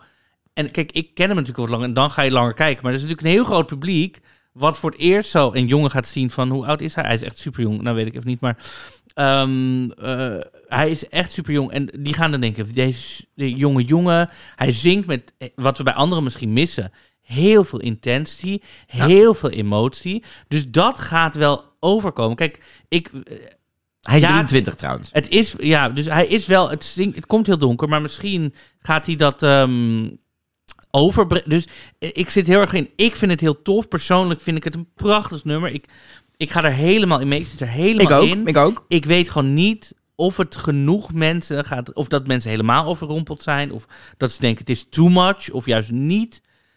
Eh, lastig. ik ben enorm fan. Ik vind Ik- hem echt een superster, Ja, zeg maar. ik ook. En ik denk, ik denk echt dat als, er, als hij het toelaat om andere mensen mee te laten denken over zijn visie, hoe hij zijn stem en zijn visie de meeste mensen kan laten bereiken, dan zou dit heel erg goed kunnen scoren. Maar ik ben gewoon bang dat met de visie die hij voor ogen heeft, een groot deel van het kijkende publiek niet zal aanspreken. Kijk, je kan heel veel doen met regie, Ja. camera's, connecten. Dus ik hoop dat er een goede regisseur ehm, en lichttechnicus meegaat. En zet dat masker direct Ja, ik- naar de eerste paar zinnen af. dat gaat niet gebeuren, want hij doet dat in elk interview, in elk alles. Hij houdt het op, de, die diamanten ding.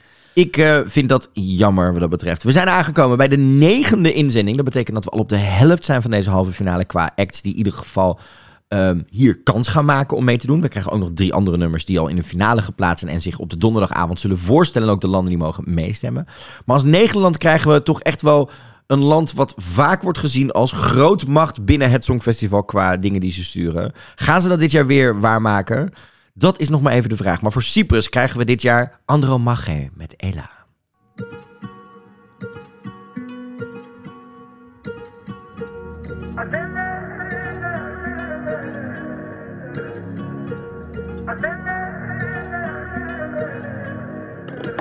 Melodies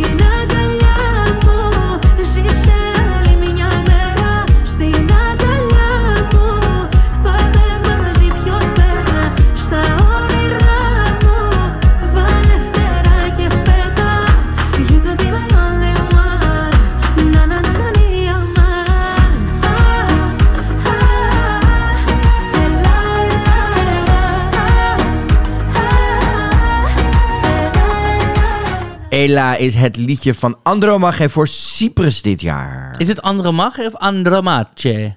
Ik weet niet, ik vind het heel lekker om het zo te zeggen. Andromache. Ja, Lekker hoor. eh, Andro, ja, ik vind het lekker. Het is een typische Oost... Ja, is het Oost-Europees? Zuid? Oost? Grieks? Ja, Zuid-Europees, Oost-Europees zit natuurlijk in de hoek, hè? Cyprus daar. Daar, Cyprus, eh, liefdesliedje. Het gaat heel erg over kom met mij, door jou voel ik mijn elektriciteit voelen. Kom bij mij, we vliegen samen weg. Het is, het is heel erg die tekst.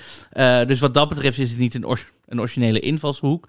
Ik moet zeggen, het begint bij mij langzaam eh, wel lekker eh, meer in mijn gehoor te liggen.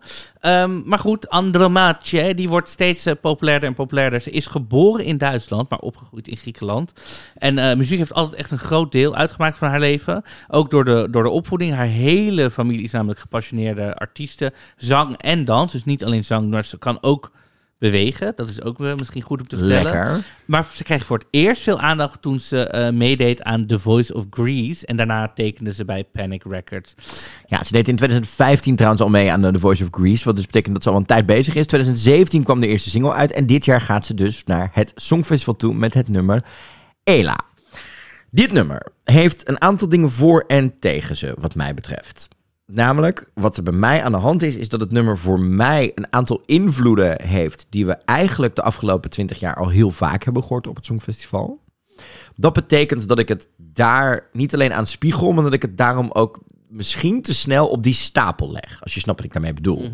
De invloeden uit die hoek zien we vaker terugkomen in popnummers, in ballades, in het Songfestival al jaren. Mijn probleem zit hem erin dat we de afgelopen jaren, als we kijken naar bijvoorbeeld Angela Peristeri vorig jaar, als we kijken naar een, ehm, nou misschien ook wel Set Me Free vorig jaar, maar ook wat verder terug naar een Every Way That I Can van Sertab. Of een, ehm een, Elena Paparizou met hè, eh, You Are The One. Dan denk ik, daar werd op een originele manier iets gedaan met deze invloeden. Dit klinkt voor mij als te traditioneel die invloeden gebruiken. Dat is jammer, want het nummer is eigenlijk een duveltje in een doosje. Het nummer begint heel zwoel en dan denk je, oh, dit, oh.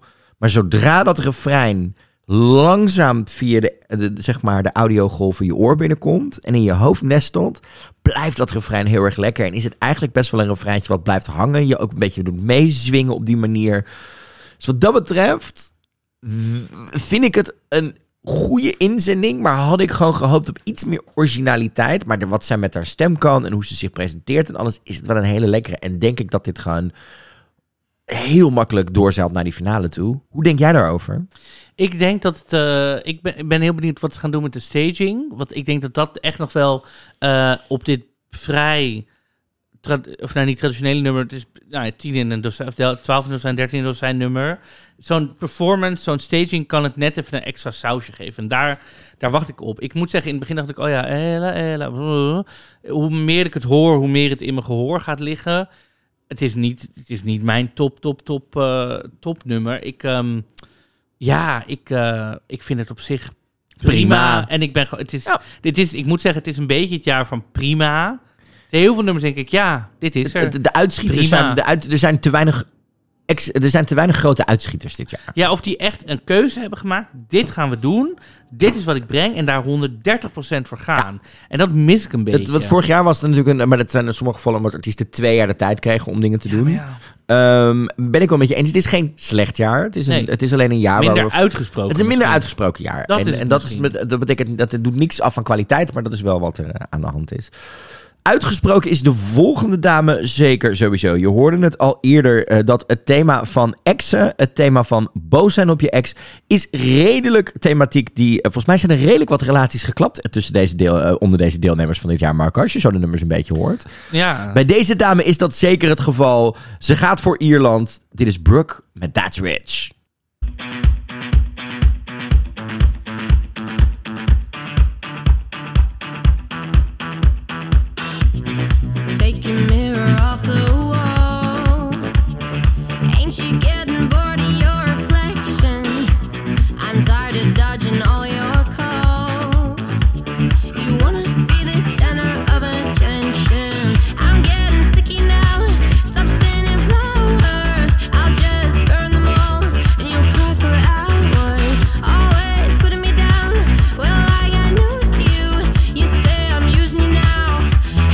Stupid, that's rich.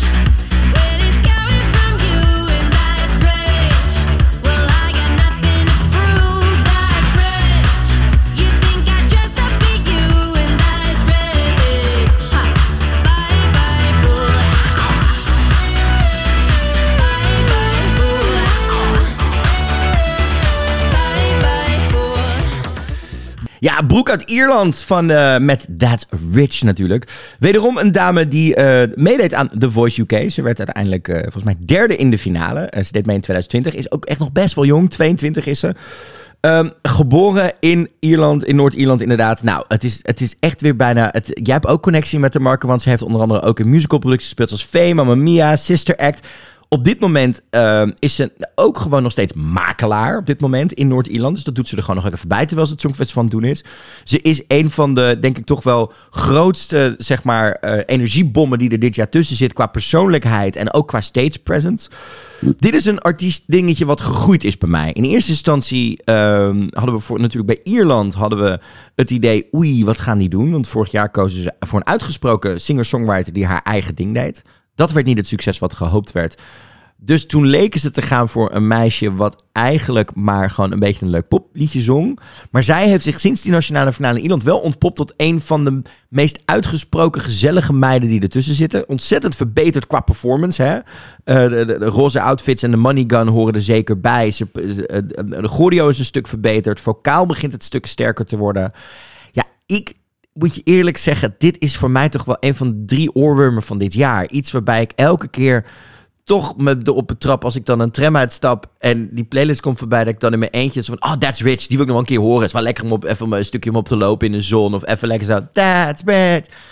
Ligt misschien natuurlijk ook iets meer aan mijn moed de laatste weken. Als je normale podcast luistert, weet je dat ik ook niet zo lekker lig bij mijn ex, dus wat dat betreft. Maar het- ja, ik ben hier heel erg blij mee dat het ertussen zit. Want we missen gewoon hè, de, grote sterke popvrouwen die lekker een, een hitje brengen. Is wel iets wat bij het Songfestival hoort. En dit jaar zijn er niet zoveel. Dus ik ben wel blij dat het erbij zit. Eh, kan Brooke jou ook bekoren, Marco? Of ben je nog steeds er niet helemaal aan boord? Ik, er, kijk, ik weet heel goed dat de huidige popmuziekmarkt is dit. Dat is, heeft deze afslag genomen gewoon. En dat zie ik en dat weet ik en dat apprecieer ik. Ik moet zeggen, ik kan daar op zich... Het is een soort jaren zeventig pop bijna, vind Ja, ik. dat is, ze heeft ook invloeden van onder andere een blondie en Ja. dat soort dingen zitten erin. En ik lekker ben dan-. Ik ben dan... Ik vind Bl- Blondie dan echt heel heerlijk om te, om te luisteren. En dit is dan net iets meer kracht zit erin, denk ik, of zo. Ja. Dan, dan, en ik ben dan toch weer... Maar dat is waarschijnlijk gewoon echt een persoonlijk smaakdingetje... wat hier, wat hier in trekt. Waarbij ik gewoon die slow versies wat lekkerder vind uit de jaren Ja. 70, zeg maar. Dus ik kan dit gewoon heel erg waarderen. En ik, ik roep ook altijd om vernieuwing en verjonging op het Songfestival. En dit is niet hetzelfde. yes, maar jij zou hier wel je heupjes op schudden in, de in de kroeg. En dat we, dat we niet steeds hetzelfde trucje blijven doen, weet je wel. Dat hoeft niet alleen maar voor de oude garde. Dus wat dat betreft vind ik dit heerlijk dat het er is. Ze brengt het ook goed. Ik vind die, die choreo die we zagen tijdens Eurovision in Concert, die ze meenam, dacht ik, ja, maar dit werkt wel. Want dit is, het is niet zo van, oké, we maken een TikTok-dansje, daar, het is voor TikTok. Maar het zou wel zo'n TikTok-dansje kunnen worden. Zeker, ja. Dus dat vind ik wel goed gemaakt. En ehm, ja, het, ik bedoel, het spreekt jou gewoon al heel erg aan. Dus het zal heel veel mensen gewoon heel erg lekker aanspreken. Dus wat dat betreft vind ik het gewoon... Ja, en wat ik er ook zo fijn aan vind, is dat... eh, ik bedoel, de laatste jaren hebben we natuurlijk redelijk wat, wat, wat, wat dames gehad qua pop. En, en neigen we altijd heel erg naar de super confident, misschien een beetje arro- arrogant overkomende dames op het Songfestival. Maar zoals we vorig jaar zagen, is dat juist ehm een Ine Leen, een Stefania, een Destiny, die ook wel een soort van nog speels en jong zijn, dat die ook de kansen krijgen om hunzelf te ontwikkelen daar. Eh, en, en Brooke is zeker heel speels. Ik weet niet of je er volgt op Instagram, maar haar live sessies op Instagram zijn hysterisch leuk. Nee, ik volg niemand op Zij, stuikt, eh zij stuitert echt door elke kamer heen. Eh, wat dat betreft is Brooke echt wel de- een van de gangmakers van de klas van 2022. Dus ja, ik word er heel erg blij van. Gaan we door naar Noord-Macedonië, Marco. Jazeker, want die sturen namelijk zangeres Andrea met het nummer Circles.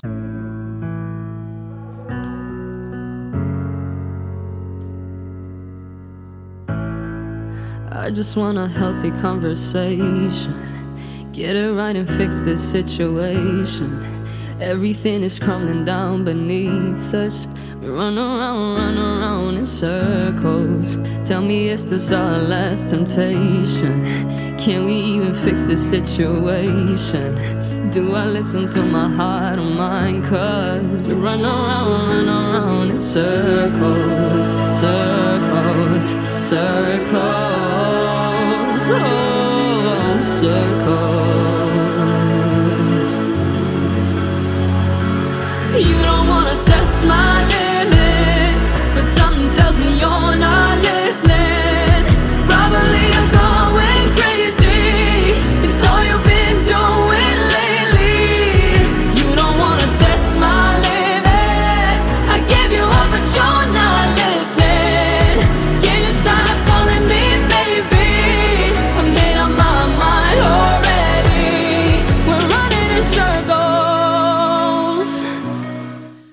Andrea hoorde je. Die gaat eh, naar het Songfestival voor Noord-Macedonië. En dat eh, komt best wel snel in haar carrière. Want zij is in, eh, echt sinds eind 2020 is ze pas echt bezig met haar, met haar muziekcarrière. Of nou, niet daarvoor al, maar echt om opnames te gaan maken, om singles uit te brengen. In zes maanden tijd heeft ze toen meer dan een half dozijn eh, singles uitgebracht. Het zou zomaar... Sorry, een, eh, serieus, zes... Wow. Het zou zomaar kunnen dat het kwam door een pandemie en er verder toch niks te doen was.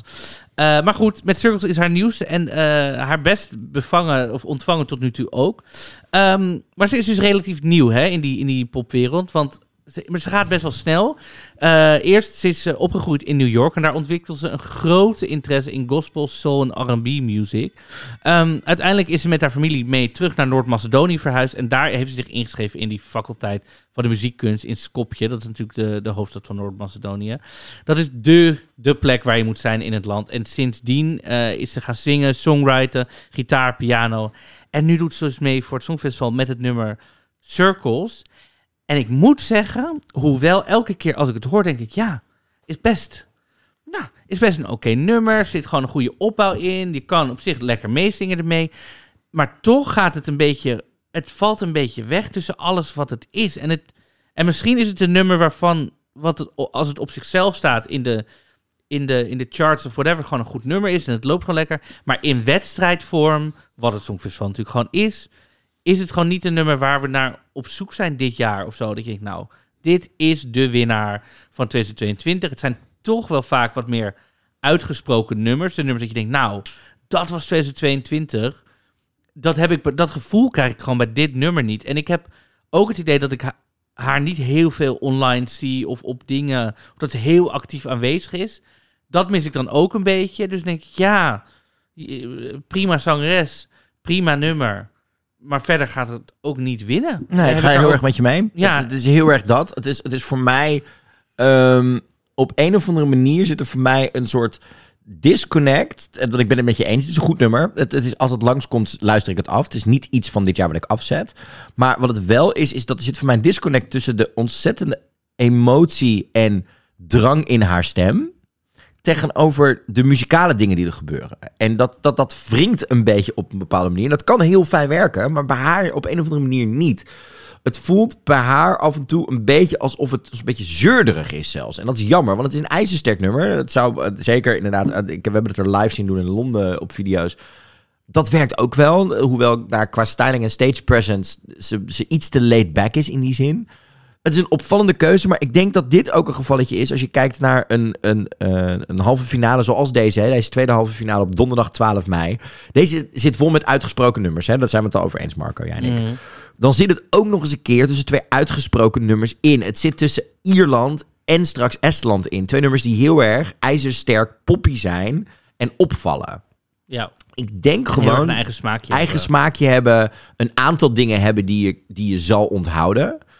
En zij mist daarin gewoon net een aantal dingen dat ik denk, daar kunnen mensen op inhaken. Dat zit er gewoon net niet in. En vergeet ook niet, we zitten op nummer 11, we zijn al over de helft en we zitten duidelijk al rond een uurtje of ik denk kwart over tien. Mensen willen toch ook wel even of gaan plassen of gaan doen. En dan vermoed ik gewoon dat zij misschien wel die plas, die gevreesde plaspauze gaat worden. Omdat het gewoon dat je denkt, na een minuut snap je ook wel waar dit nummer heen gaat. Ja. Je weet dat er eigenlijk niet Even meer... snel heel- naar het toilet rennen, even een plasje je hebt de eerste minuut gezien, je hebt het gezien. En vervolgens neemt, kun je, heeft zij niet de kans om je mee te nemen die laatste twee minuten. In wat ze vocaal dan nog gaat doen. Want de intensiteit gaat wel omhoog eh, qua vocalen. Ja, ik, ja, ik vind gewoon, het is gewoon, het is het gewoon net niet. Maar het is wel goed, maar inderdaad, wat je zegt, in een wedstrijdverband gaat dit het gewoon waarschijnlijk afleggen. Degene die het niet af gaat leggen in wedstrijden, dat heeft hij wel vaker bewezen. Want hij is ook ondertussen de, de meest sexy man van Estland. Nou, dat heeft vorig jaar, deed Estland, stuurden ze ook de meest sexy man. We weten allemaal hoe dat afliep met Sofiste. Maar dit jaar sturen ze Stefan. En Stefan gaat met het liedje. Wat misschien wel mij heel erg doet denken aan een aantal grote hits van een paar jaar geleden. Het is een goede meezinger. Laten we kijken wat dit voor Estland gaat doen. Want hier komt Stefan met hoop.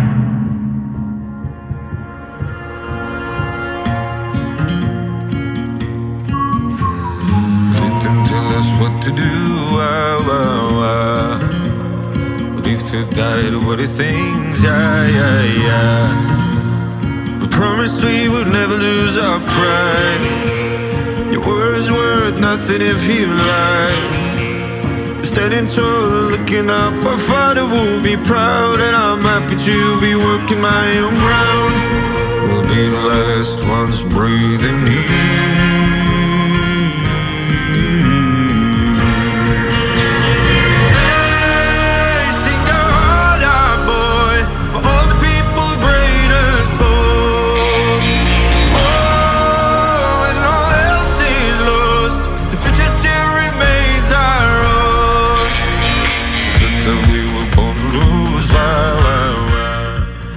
Stefan is eh, geboren in uh, eh, Viljandi, een eh, stad in Estland. Hij is een zoon van Armeense immigranten. Hij heeft een zus genaamd Stefania. Dat is niet de enige referentie naar Stefania die we dit jaar in het Songfestival hebben zitten natuurlijk. Was al een kindsterretje, deed in 2010 ook al mee eh, in een zangcompetitie voor kinderen inderdaad. Maar deze man wil heel graag naar het Songfestival. Want hij heeft in 2018 al een keer meegedaan, 2020, 2019... 2022 heeft hij het dus uiteindelijk voor elkaar gekregen. Hij heeft ook al meegedaan aan de Masked Singer. En nu gaat hij met het liedje Hoop die kant op. Nou, het is een gigantische knijter van een radiohit. Laten we dat maar voorop stellen. Het, is, het heeft alles in zich om een radiohit te worden. In 2016. Ga ik er gelijk maar bij zeggen. Nou, ik hoor hoppa. namelijk aan de ene kant, ik hoor Heroes. Probeer maar als je radio begint met zingen. Don't tell the guards, I left them at... Het is, het is dat. Ten tweede denk, hoor ik er heel veel Avicii in. Eh, ik bedoel, Avicii ook een tijd gehad, zeker met Hello Black, dat hij toch echt wel een beetje de, de country en de, de folk dingen pakte. Dat zit er ook in. Dat meezingrefrein is ook zo catchy. Maar het is wel iets wat we gewoon al heel vaak op de radio hebben gehoord. En we hebben het live gezien bij Eurovision in Concert. Het is een heerlijke meezinger. Hij heeft zijn stem mee, hij heeft zijn charisma mee, hij heeft zijn looks mee. Gaat dit heel erg scoren op het Songfestival? Ja. Is het iets waar ik artistiek blij van word binnen het Songfestival? Nee, maar dan moet er ook tussen zitten. Dus dit is wel heel fijn dat het er tussen zit. Het is een lekkere energiekanaal. Ik word er heel blij van.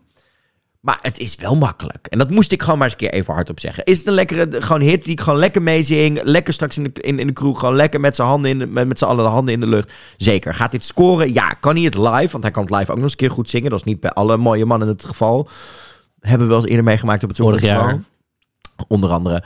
Ehm, maar ik, ja, ik, het, het, het, het, het is gewoon heel erg goed. Het werkt, het is lekker. Maar toch zit er bij mij iets in dat ik denk...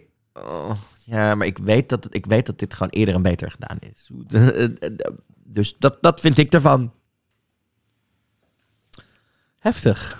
Nee, nou, sowieso de eerste tip die ik wil geven van Estland is... stop met je lijst met knapste mannen gewoon automatisch doorsturen naar het Songfestival. Wat is dat? Waarom? Wat, eh, goed. Ehm, nou ja, goed, natuurlijk hoor ik allemaal wat je zegt. Daar ben ik het natuurlijk wel mee eens. Ik bedoel, is het een beetje... Het is denk ik een beetje een soort ken je publiek. Want Estland denkt gewoon... Nou, dan zetten we een knappe man op. Dan gaan al die vrouwen die van 40, weet ik veel... En de mannen. en de mannen En de non-binaire en de mensen. non-binaire mensen, die zitten al eh Glijend op een stoel. glijend op, op een bank. Of in dus kroeg. die hebben dan mee. Nou, hij kan gewoon echt heel goed zingen. Dus dan, ja, en dan doen we ook nog zo'n cowboy fantasy erin. Nou, dan zitten al die mensen al. Hebben, Er zit letterlijk een galoppend paard in. ja, dus ik dat bedoel, denkt, die, is- zitten, al- die zitten al helemaal soppend op een bank. Dus er hoeft helemaal niet meer zoveel te gebeuren. Dus wat, wat dat betreft, kijk, is het gewoon prima. En het is hartstikke leuk, want het is wel uitgesproken. Dus ik ben blij dat het er is. Ik bedoel, misschien Hij kan het De- live, dat is ook nog heel belangrijk. de Dorsey Omen. Misschien gaan we meer country muziek eh, krijgen. Je weet het niet. Eh, misschien nou ja, dit had ook gewoon mee kunnen doen American Song Contest. Dan was het sowieso doorgegaan door de had hij jury's. zijn baard iets, iets groter moeten groeien. Prima, komt goed. Met een snor kom je er ook. Ehm, nee, ja, verder, ik vind dit eh, ook weer zo prima dat het er is. Het is voor mij niet helemaal mijn ding. Oh, dat vind ik dan wel lekker. Oh, old boy. Dan denk ik, ja, hey, van links naar rechts. Ja, het enige wat misschien tegen hem zou kunnen werken... Het enige. is dat hij in een blokje drie meezingers achter elkaar zit. Hierna krijgen we namelijk Roemenië en Polen. Wat ook wel twee nummers zijn die redelijk... wat, ook, Oké, ja. Wat ook wel redelijk nummers zouden kunnen zijn... die zeg maar een zaal opzwepend meezingt... die misschien als je een keer eerder hebt gehoord... iets kunnen doen met een publiek. Dat zou echt het enige kunnen zijn... wat er misschien nog wat, wat nadelen legt. En ik me aan de andere kant een beetje afvraag... zien de jury's niet dezelfde bezwaren als ik zie? Dat het daarom misschien niet genoeg eruit springt tussen deze 18 liedjes. Dat zou tegen hem kunnen werken. Maar het publiekstem, die gaat hij sowieso eh, helemaal meekrijgen. En ik denk dat het voor Marco en mij, dat we als we als samen spreken, als we zeggen dat we dat met het volgende nummer, in ieder geval hopen dat het publiek daar op dezelfde manier gaat op reageren. Toch? Dat, dat, kan ik je toch wel een beetje op die manier eh, Zeker. aanschrijven op die manier. Zeker. Want we gaan naar Roemenië. Een verrassende inzending van Roemenië dit jaar. We gaan naar Oers. En Oers gaat met het nummer La La Me. Knew that I was different than the others. They never liked you. Try to keep my head above the water, but you're making it so hard to. What if they gonna find out? Nobody's gonna like if we get away. Need you to stay. What if they gonna find out? Nobody's gonna like it. We get away. Need you to stay. Hold on Hola mi bebé, hola mi bebé. Llámame, llámame, llámame, llámame. Hola mi bebé, hola mi bebé. Llámame, llámame, llámame, llámame. Hola mi bebé.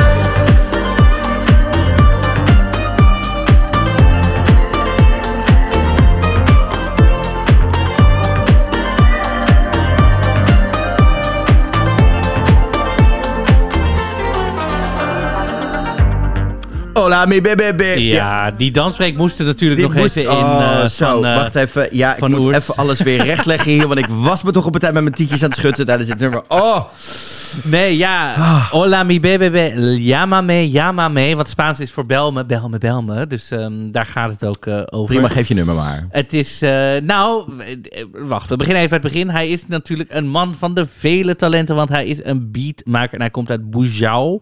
Hij begon zijn artistieke carrière als danser. Hij trad op met de Roemeense pop-iconen zoals Ina, die we misschien wel kennen van zomerhits uit 2008 of 7. En hoe? en Hij eh, werd ook uit, eh, ingehuurd als eh, huisdanser voor Romanians Got Talent, als The Voice of Romania. Dus daar heeft hij echt de achtergrond, vooral echt de danser. En toen in 2015 sloot hij zich voor een korte tijd aan bij de boyband Shot. En daarna eh, vertrok hij naar Londen om daar zijn vak als songwriter en solo-act aan te scherpen. Dat heeft hij gedaan. En inmiddels heeft hij tien singles uitgebracht. Hij heeft drie samenwerkingen. En werkt hij aan zijn debuut-EP Mandala. Maar hij gaat dus naar het Songfestival met Yamame, Yamame. En wat blijkt dit? Ook al, we zagen het fysiek in Eurovision concert, ook bij andere dingen. Wat een meezinger blijkt dit.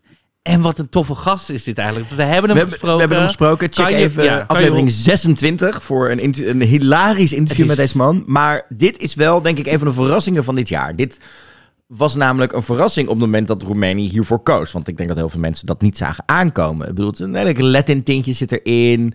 Maar Queer tintje zit er wel in. Heel erg. Maar vanaf zijn eerste optreden in die finale was het gelijk, dit werkt. Dit is energiek. Hij is ook het type artiest wat...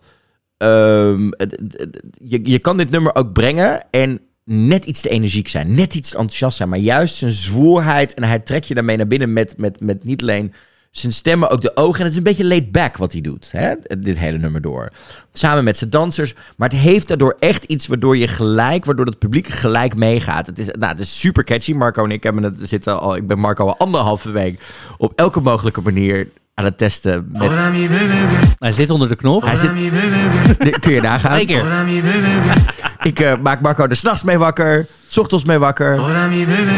Dan heb je een beetje het idee hoe dat in elkaar zit ondertussen. Ja, dit gaat gewoon heel erg werken. Het enige waar ik gewoon misschien een beetje bang voor ben, is dat die tussen twee andere zeer smakelijke mannen tussen zitten. Die allebei een redelijk uitgesproken ding gaan doen. Volgende is wel weer een ballad trouwens. Maar dat, dat misschien, dat die misschien een beetje daarin onder zal sneeuwen. Dat die misschien... Ja, het zijn natuurlijk drie mannen, allebei met redelijk eh, donker haar. Ja. eh, Toch witte mannen, zeg maar. Die dan, ja, dan zo met de drie achter elkaar. dat, het, dat, het, dat het daar dat misschien... door elkaar gaat halen. Of Het- zo. dat je dat een beetje gaat doen. En dat, dat die misschien een soort van... Hè, mensen mogen volgens mij tien keer stemmen. eh, dat, dat mensen dan al vier keer zeg maar op het een, vier keer op het ander... dan nog twee keer op één. En dan denken, oh, ik had eigenlijk ook nog op Roemenië willen stemmen. Dat dat misschien iets is wat bij hem gaat gebeuren. Verdient hij de finale? Ja, sowieso. Nou, hij heeft ook gewoon heel erg de gunfactor. Ja. Maar dat is misschien... Ik weet niet of iedereen dat heeft, maar nee, maar dat, hadden wij al voor dat Ja. we hem zagen. Nou ja, maar het is wel heel sterk geworden sinds we hem Je bent zagen. gewoon een beetje verliefd, hè? Ik wil wel heel graag een feestje met hem doen. Dus dat is wat anders.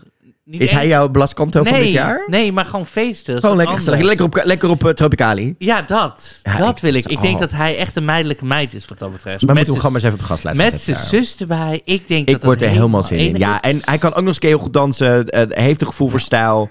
Ik, ik gun het deze man ontzettend zo. Ik ben gewoon inderdaad misschien alleen een beetje bang dat het misschien een beetje zo... Ja, we vinden het goed, maar ook crap, we zijn vergeten te stemmen dingetje gaat worden. En, en nou ja, we hebben al een aantal dingen aangenoemd deze halve finale waarvan we denken, dit hoeft niet door. Maar, maar dit mag het zeker wel. Oh god, Marco heeft maar Het raakt Marco's knopje en Marco raakt het knopje nog één keer dan. Je mag hem nog één keer doen. Oké. Nou ja, wat Marco dus heeft met deze man en met dit, dit, dit, dit dingetje, heb ik met de volgende man. Niet alleen gebaseerd op zijn uiterlijk, maar vooral gebaseerd op zijn kenmerkende, prachtige, klassiek getrainde stem. Ik ga even een pauze nemen. Ik Polen kiest. Polen kiest voor een hele klassieke ballade dit jaar, maar een ijzersterke ballade. De ballade heet River en komt van Ochman.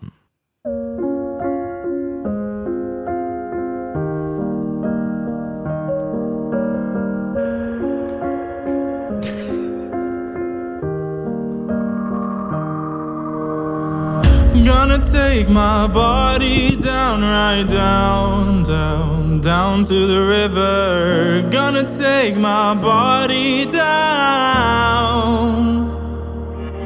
Let the water carry me away. Just float away. Oh,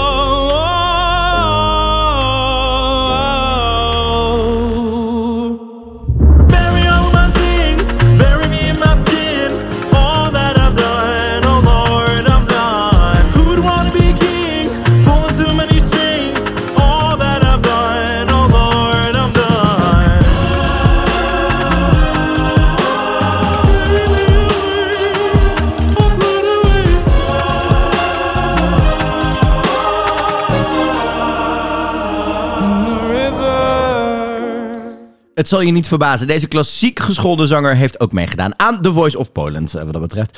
In 2020 won hij uiteindelijk het contract. Hè. De- daar heeft hij sindsdien ook heel veel singles en dat soort dingen uitgebracht. Uiteindelijk deed hij mee in de nationale finale in Polen en won hij dit liedje met het liedje River. Hij is ook nog eens een keer de kleinzoon van een Poolse tenor. En hij is geboren in Amerika, maar hij, is, eh, hij eh, woont in allebei.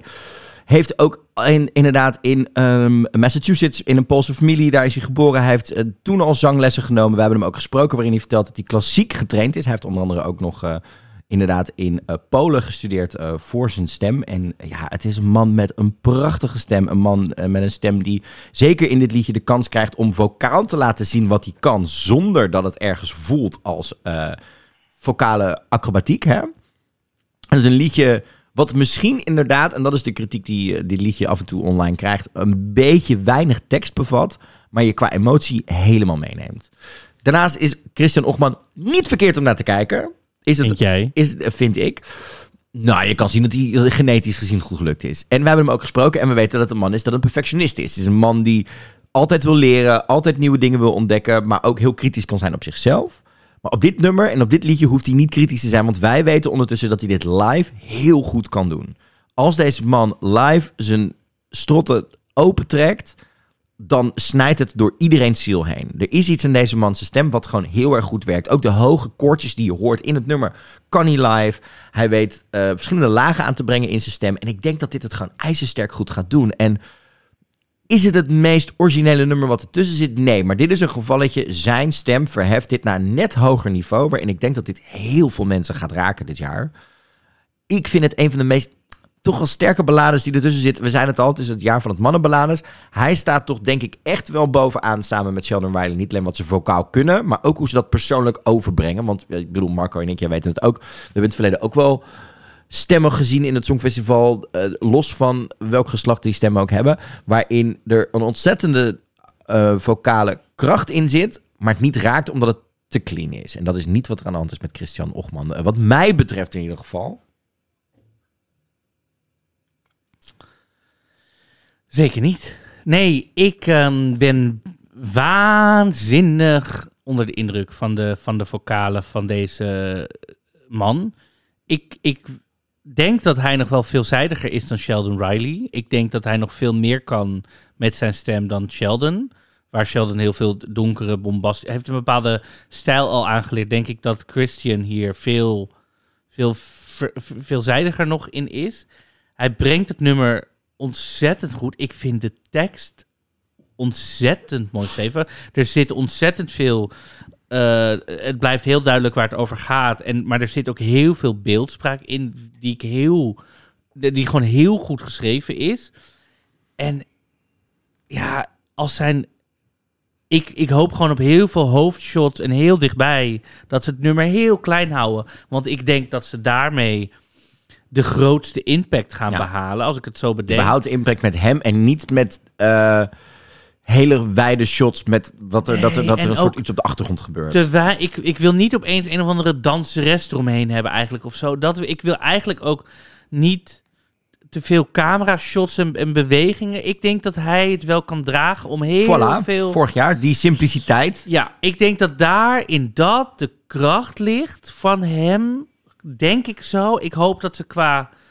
Ik- hij hoeft van mij niet glitters en zo, maar ik hoop dat ze zijn Eurovision outfit iets sprekender maken. Dat je net denkt, oh ja, hij van dat. Het is, het is een man met stijl die ook zeker Ja, weet wat hij wil. Hij hoeft en van ook- mij echt niet. Hij is niet het type dat er met een glittertje of een dit. Dat hoeft van mij echt niet. Maar maak het wel even. Ik wil geen wie-pak zien, zeg maar. Nee. Dat je denkt, I mean, love it. Gewoon even een willen, maar- kenmerkend pochet alleen al en mooie schoenen, dan maken ja, we iets af. even, Ja, even een, een roesje of een dingetje. we gaan het doen. Verder is dit, dit zou de Tamara Todevska van dit jaar kunnen zijn, denk ik. Als hij daar het goed gaat doen en de, de bookmakers aan zijn kant krijgt en Ja. de media ook, zou dit echt wel een top 3 kunnen gaan worden. Ja, echt waar. Het, gaat de jury's echt- pleasen, het gaat het publiek pleasen.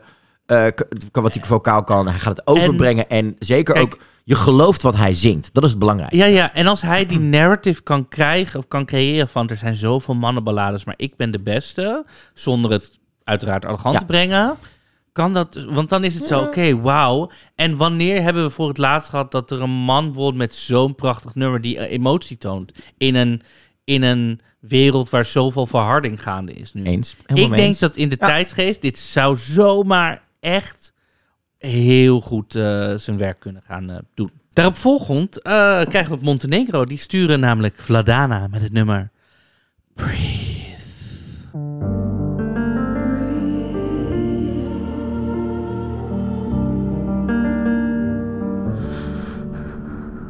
The pain will go away, they say. In the clouds form, you'll keep the things you feel their smell, just to make you warm. But nothing feels the same. The fear won't The battle for the life is bigger than you know. To act so selfishly is unforgivable. The air is what they need, air is what they breathe. They'll die without it. It's unforgivable.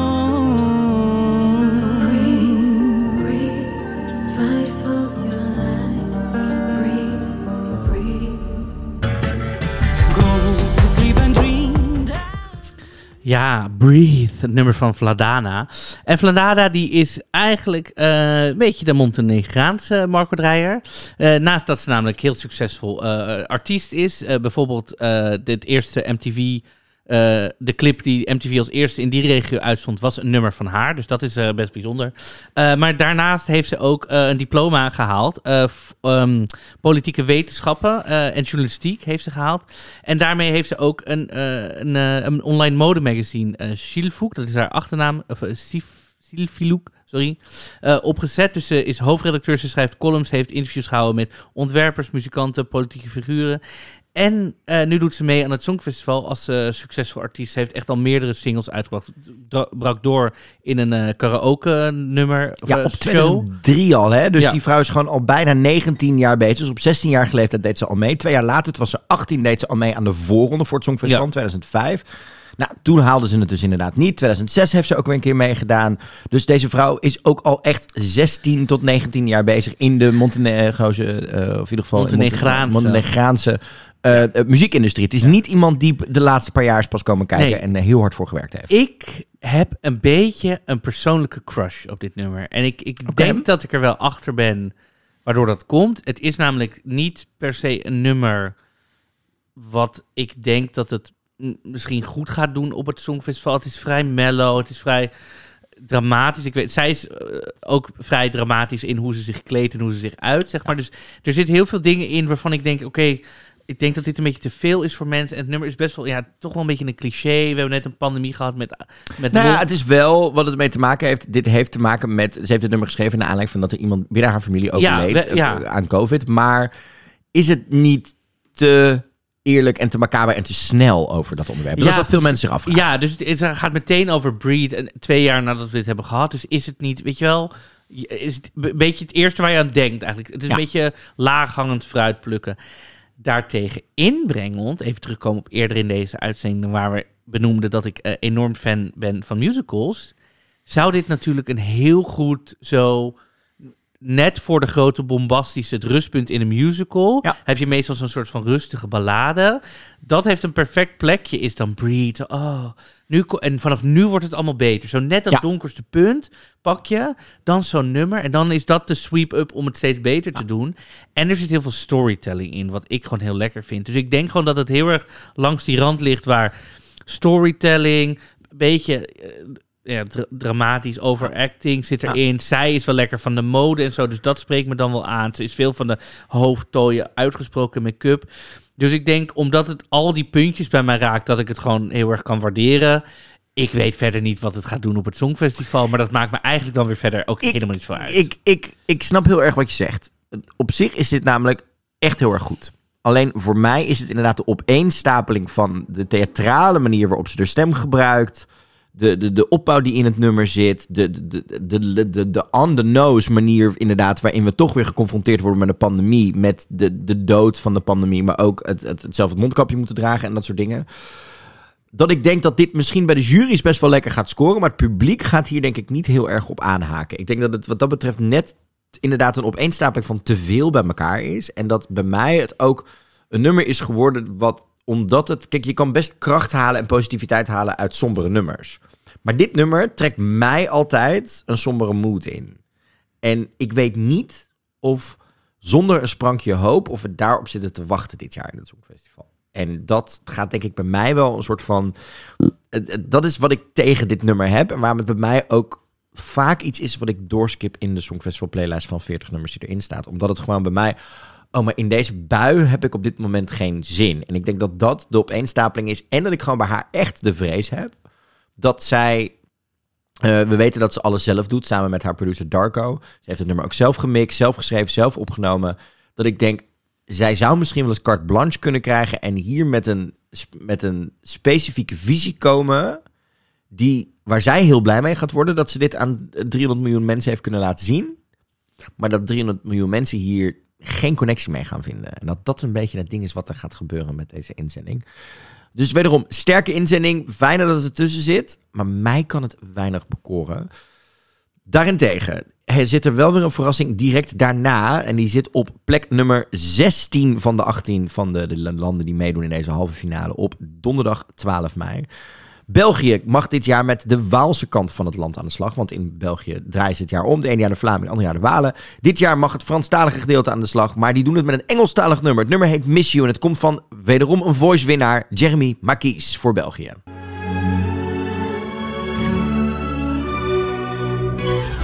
Sometimes I feel down. Sometimes I booze. Sometimes I fall. Sometimes I do wrong. One day I'm cool. One day I'm cold. And I've been trying to escape my past. Give up on the sadness that you left behind.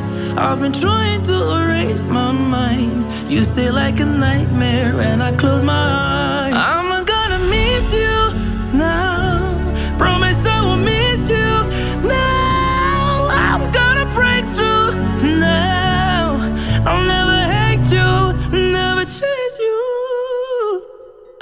Sometimes I feel good. Sometimes I lose my mind and my soul. That's when I see. Ja, Jeremy McKees is inderdaad de winnaar van The Voice of Belgique. En eh, won die eh, eind vorig jaar inderdaad. Nou, het talent eh, wat die man heeft werd inderdaad al op jonge leeftijd opgemerkt door zijn ouders. Hij zat in het plaatselijke eh, kerkkoor met gospel, professionele zanglessen. Maar die man doet nog veel meer, want ondertussen is hij ook gewoon nog steeds een getalenteerd keeper. Want hij speelt voor Excelsior Virtum FC. Dat combineert hij gewoon de komende tijd met elkaar. Dus en stadions en concertarena's. Hij heeft ook nog een academische interesse in geologie. Want dus er gebeurt van alles met deze man. Een man vol talent, een man vol passie. Een man met een kenmerkende stem. Met een rauw randje die we live hebben gehoord. Ook nog heel erg goed werkt. Met een nummer wat mij muzikaal heel erg doet denken aan de vocale stijlen. En eh, ook het muzikaal talent van Labyrinth uit Engeland. Eh, een zanger ook met een beetje een gospelachtergrond. Maar ook urban en ook een beetje rock. Het zit er alle drie in. Het was een verrassende inzending dit. We wisten namelijk bij Jeremy McKees niet helemaal van tevoren wat we moesten verwachten. Werd het een ballad, werd het een uptempo nummer, werd het gospel. Uiteindelijk heeft hij al die invloeden bij elkaar gegooid en is dit nummer eruit gekomen. Een nummer wat je, wat mij betreft, direct pakt. Vanwege de duisterheid die erin zit. Is een beetje, het, het schuurt tegen de beat aan, waardoor je gelijk een, een soort intrige creëert met waar ga je heen, wat ga je doen. En het nummer ontploft richting het einde ontzettend. Het nummer, eh, hij, hij dus gooit tussen ziel en zaligheid in op een manier die echt heel goed werkt. Wederom emotie zien we die je gelooft. En het werkt gewoon heel erg lekker. Maar aan de andere kant vrees ik voor het publiek in Europa die dit misschien te urban vindt. Naast het feit dat we weten dat donkere mannen op het Songfestival nou eenmaal gewoon vanwege eh, de racistische ondertonen die er in bepaalde eh, landen nog steeds heerst, minder punten scoort. Maar zeker nu we hem op Eurovision in Concert live hebben gezien met zijn dansers erbij, waarin hij heel duidelijk laat zien dat hij een visie heeft voor dit optreden en het ook ziet als het beginpunt van zijn carrière voor de rest voor eh, zijn leven in Europa, hoop ik met alle passie dat dit doorgaat naar de finale. Het is een nummer wat, als het raad opstaat, ik niet afzet. Misschien wel een ticketje hadden zet, omdat het heel erg ook in mijn straatje past. Ook in jouw straatje, Marco? Nee, ik zet hem af. Ik denk dat ik hem bijna nog in één keer helemaal heb afgeluisterd. Oh, Ik kom er niet doorheen. Oké. Ik vind het juist heel erg... Ik heb het idee dat ze het nummer op 60% hebben gemaakt qua stijl. Ik vind dat ze nog wel verder hadden mogen gaan met dat donkere randje. Ik...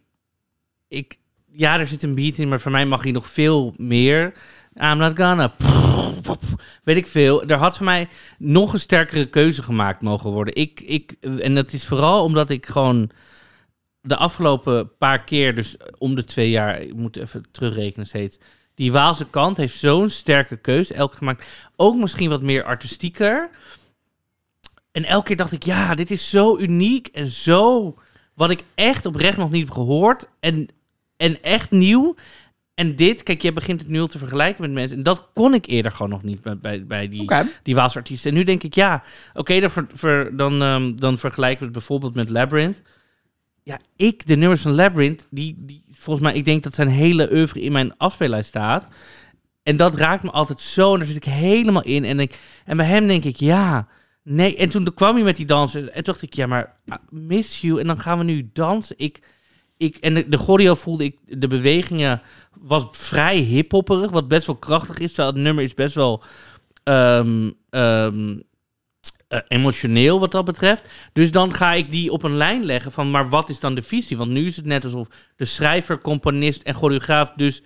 Heeft dat dan te maken met het feit dat hij net uit de talentenjacht komt? En misschien nog niet heel erg de kans heeft gehad om, Ja, dat een, weet om, ik een, dus om een niet. muzikale carrière te vormen? Ik bedoel, je kunt als zanger heel goed technisch zijn en je voorkeuren hebben. Maar in je carrière Ja. vorm je langzaam naar, Kijk- ik weet wat voor me werkt. Kijk, hij staat wel op de lijst dat hij de tekst heeft geschreven samen met mensen en, en de muziek heeft gemaakt. Maar ik vraag me dus af of hij genoeg zijn visie, stand your ground, er doorheen hebt, hebt, hebt ehm, gezien. Want die videoclip is wel fenomenaal, wil ik zeggen. Het is heel goed geschoten.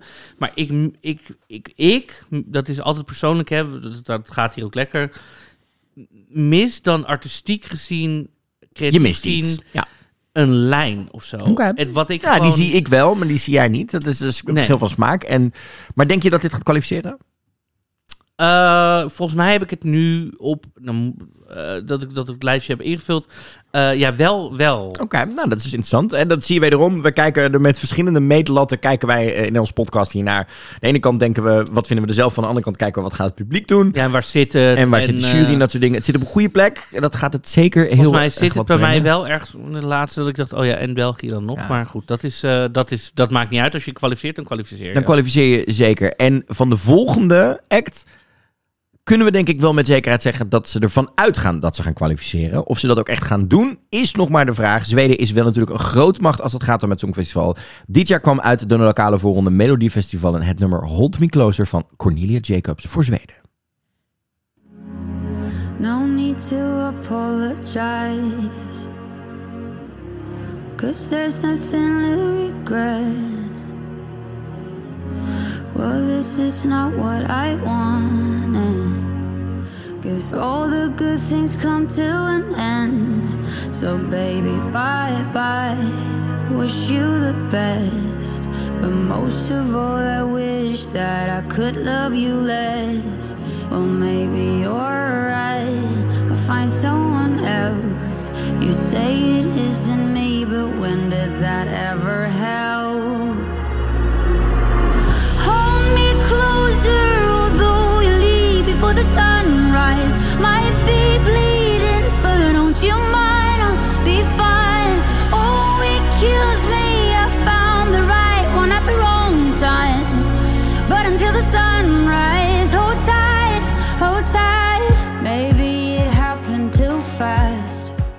Cornelia Jacobs gaat voor Zweden dit jaar naar het Songfestival. Ze is zangeres, singer, songwriter en dit jaar dus de winnaar. Eh, ze zat eh, in eerste instantie in een girlband. Eh, Red, namelijk Love Generation. Van de producer Red One. Een Zweedse producer die natuurlijk ook onder andere heel veel voor Lady Gaga schreef. Met die band deed ze Red one. deed ze ook mee eh, eerder aan Melodiefestivalen met het hysterische Dance Alone. Eh, geloof me, live was niet zo goed toen, maar het was echt een heerlijke popplaat. Nou, in 2018 eh, kwam er een solo carrière bij, singles, optredens, alles. De vader is een beroemde rockster, de moeder is componist, dus kortom, dat zit allemaal heel erg goed. Dit nummer is een prachtige ballade die leunt op de stem en emotie van Cornelia. Dat zien we ook in het optreden. Het optreden wat we zagen in Zweden is heel simpel. Het is haar met een draaiend scherm waarin zij met een microfoon vooral de connectie met het publiek en de, eh, eh, de camera zoekt. Een nummer waarin de wanhoop en de emotie van... hé, hey, daar hebben we hem weer. Een verbroken relatie voorbij komt. Het is een thema dit jaar.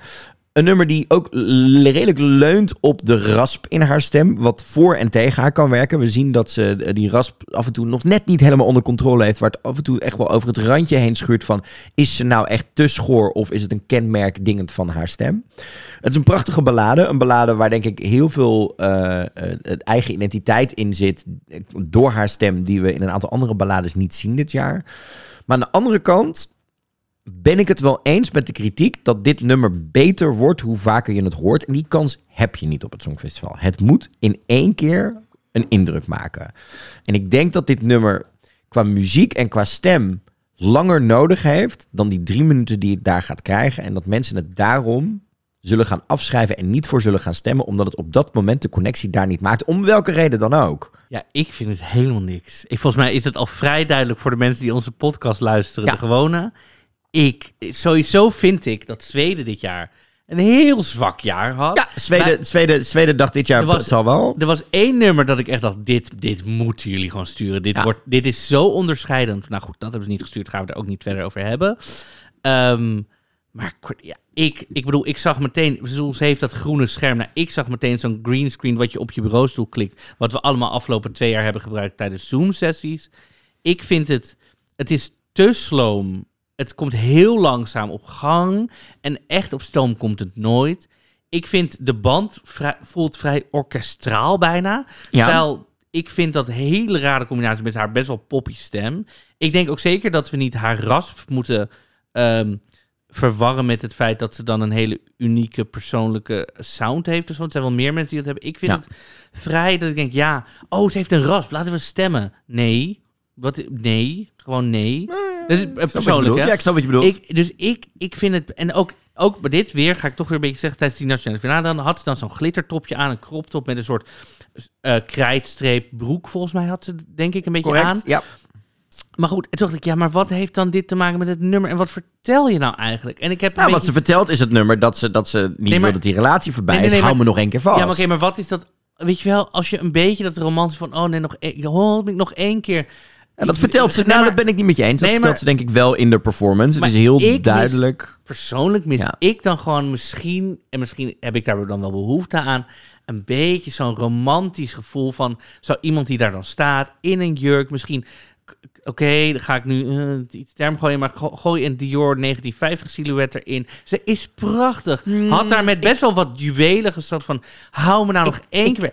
Maar misschien wordt het dan wat ouderlijk, maar ik... Ik denk dat dat misschien wat ouderlijk is. Zij is, een, zij is een jongere meid die toch echt wel gewoon in dat broek, die, die broek en, en dat topje, daar staat ze van, joh, het gaat ook, hè, die laatste avond nog. Ik mis je nu, ik mis je hier. En dat is, dat is gewoon niet altijd in een dramajurk. nee, maar En ik denk dat je dan, no offense, dan ga ik jou eh, zeg maar voor de hoofd slaande mee.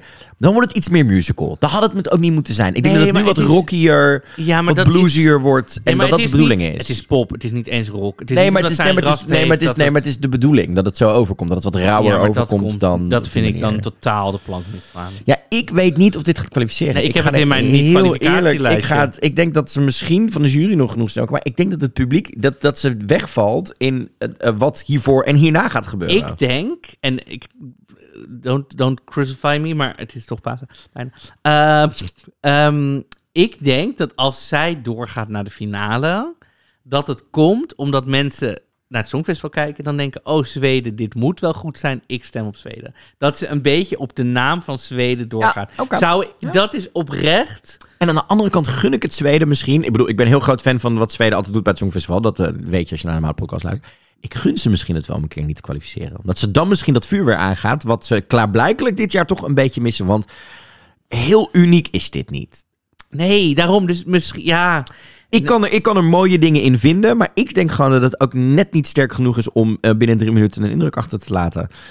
Die dat zeker wel gaan doen met het laatste nummer wat je gaat zien als kwalificatie eh, inzending bij het Songfestival dit jaar. De hekken sluiten voor de tweede halve finale. Die nog één keer een feestje gaan bouwen. Hoewel ze de lichten uitdoen, gaan voor de Tsjechië gaat We Are Domi met het liedje Lights Off.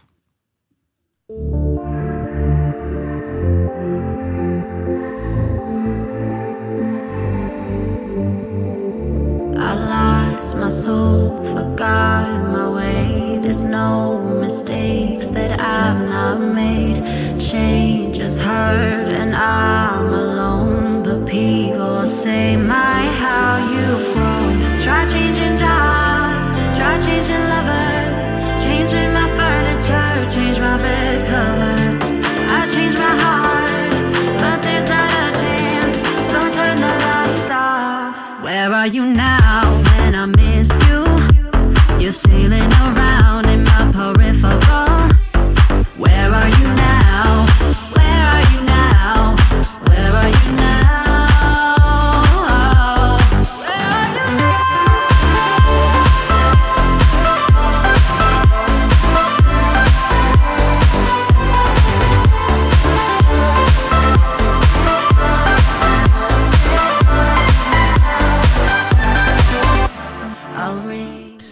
We Are Domi. Zij gaan de lichten uitdoen. En eh, wat een feestje gaat het worden. Het begon eigenlijk in 2006 hè, als een eenmalig ding voor de eh, Leeds College of Music. Maar het veranderde al snel in een fulltime, fulltime eh, creatieve uitlaatklep voor zangeres Dominica, Benjamin en Casper. De trio wat achter deze groep schuil gaat. Nee, schuil gaat, we zien ze gewoon. Er is geen geheimzinnigheid eh, gaande. Toen ze uiteindelijk klaar waren met die studie, konden de drie vrienden door een verhuizing naar Vraag hun sound en stijl nog wat verder verfijnen. Wat resulteerde in de podiumklare We Are Domi, die we vandaag op het podium gaan zien. Of nee, vandaag, eh, tijdens de tweede halve finale. Ehm, ik ben normaal helemaal niet van dit soort nummers. Maar het moment dat ik dit hoorde in die, die selectie-ding wat zij deden, dacht ik... Dit is toch een banger gewoon. Ik dacht, Dit is een banger, zeker. er waren echt, wat, ze hadden trouwens een sterke, half, of een sterke nationale finale. Er waren echt een aantal opties waarvan ik dacht, hé, dit zou best goed kunnen werken. Ik ben blij dat ze dit sturen. Ik vind het gewoon een sterke banger.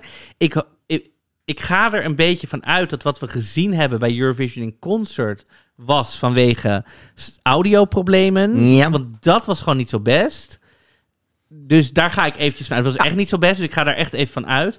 Ehm, maar ja, het is gewoon hele goede electropop volgens mij. Het is, ik, ik kan, Het is een feestje. Ja. het is gewoon een feestje. Ja, ik hou er gewoon het, van. Het past heel erg in mijn straatje. Het past heel erg in mijn straatje qua vocalen, qua... Ze heeft toch een, her- een, een, een uniekere stem. Het is niet een... ik bedoel, het, het, bedoel, de laatste tijd heb ik als guilty pleasure, zeg maar, slechte dancecovers van, van pophits van 15 tot 20 jaar geleden. En dan wordt dan meestal ingezongen door een zangeres die of lijkt of het origineel of... Inna.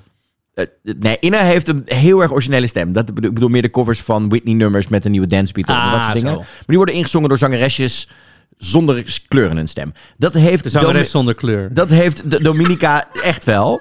Maar moet je eerlijk zeggen, waar jij nog hoopvol bent, begin ik na een aantal pre-parties en Oh. ook toch kijkend naar wat ze live gedaan hebben, mij heel erg af te vragen of eh, toch echt wel twintig keer dit moeten repeteren. Vier live shows voordat je het überhaupt op donderdagavond live doet. Want zo werkt dat Songfestival. Hè? Woensdagochtend, woensdagavond, donderdagmiddag en donderdagavond wordt die show vier keer opgevoerd, deze halve finale.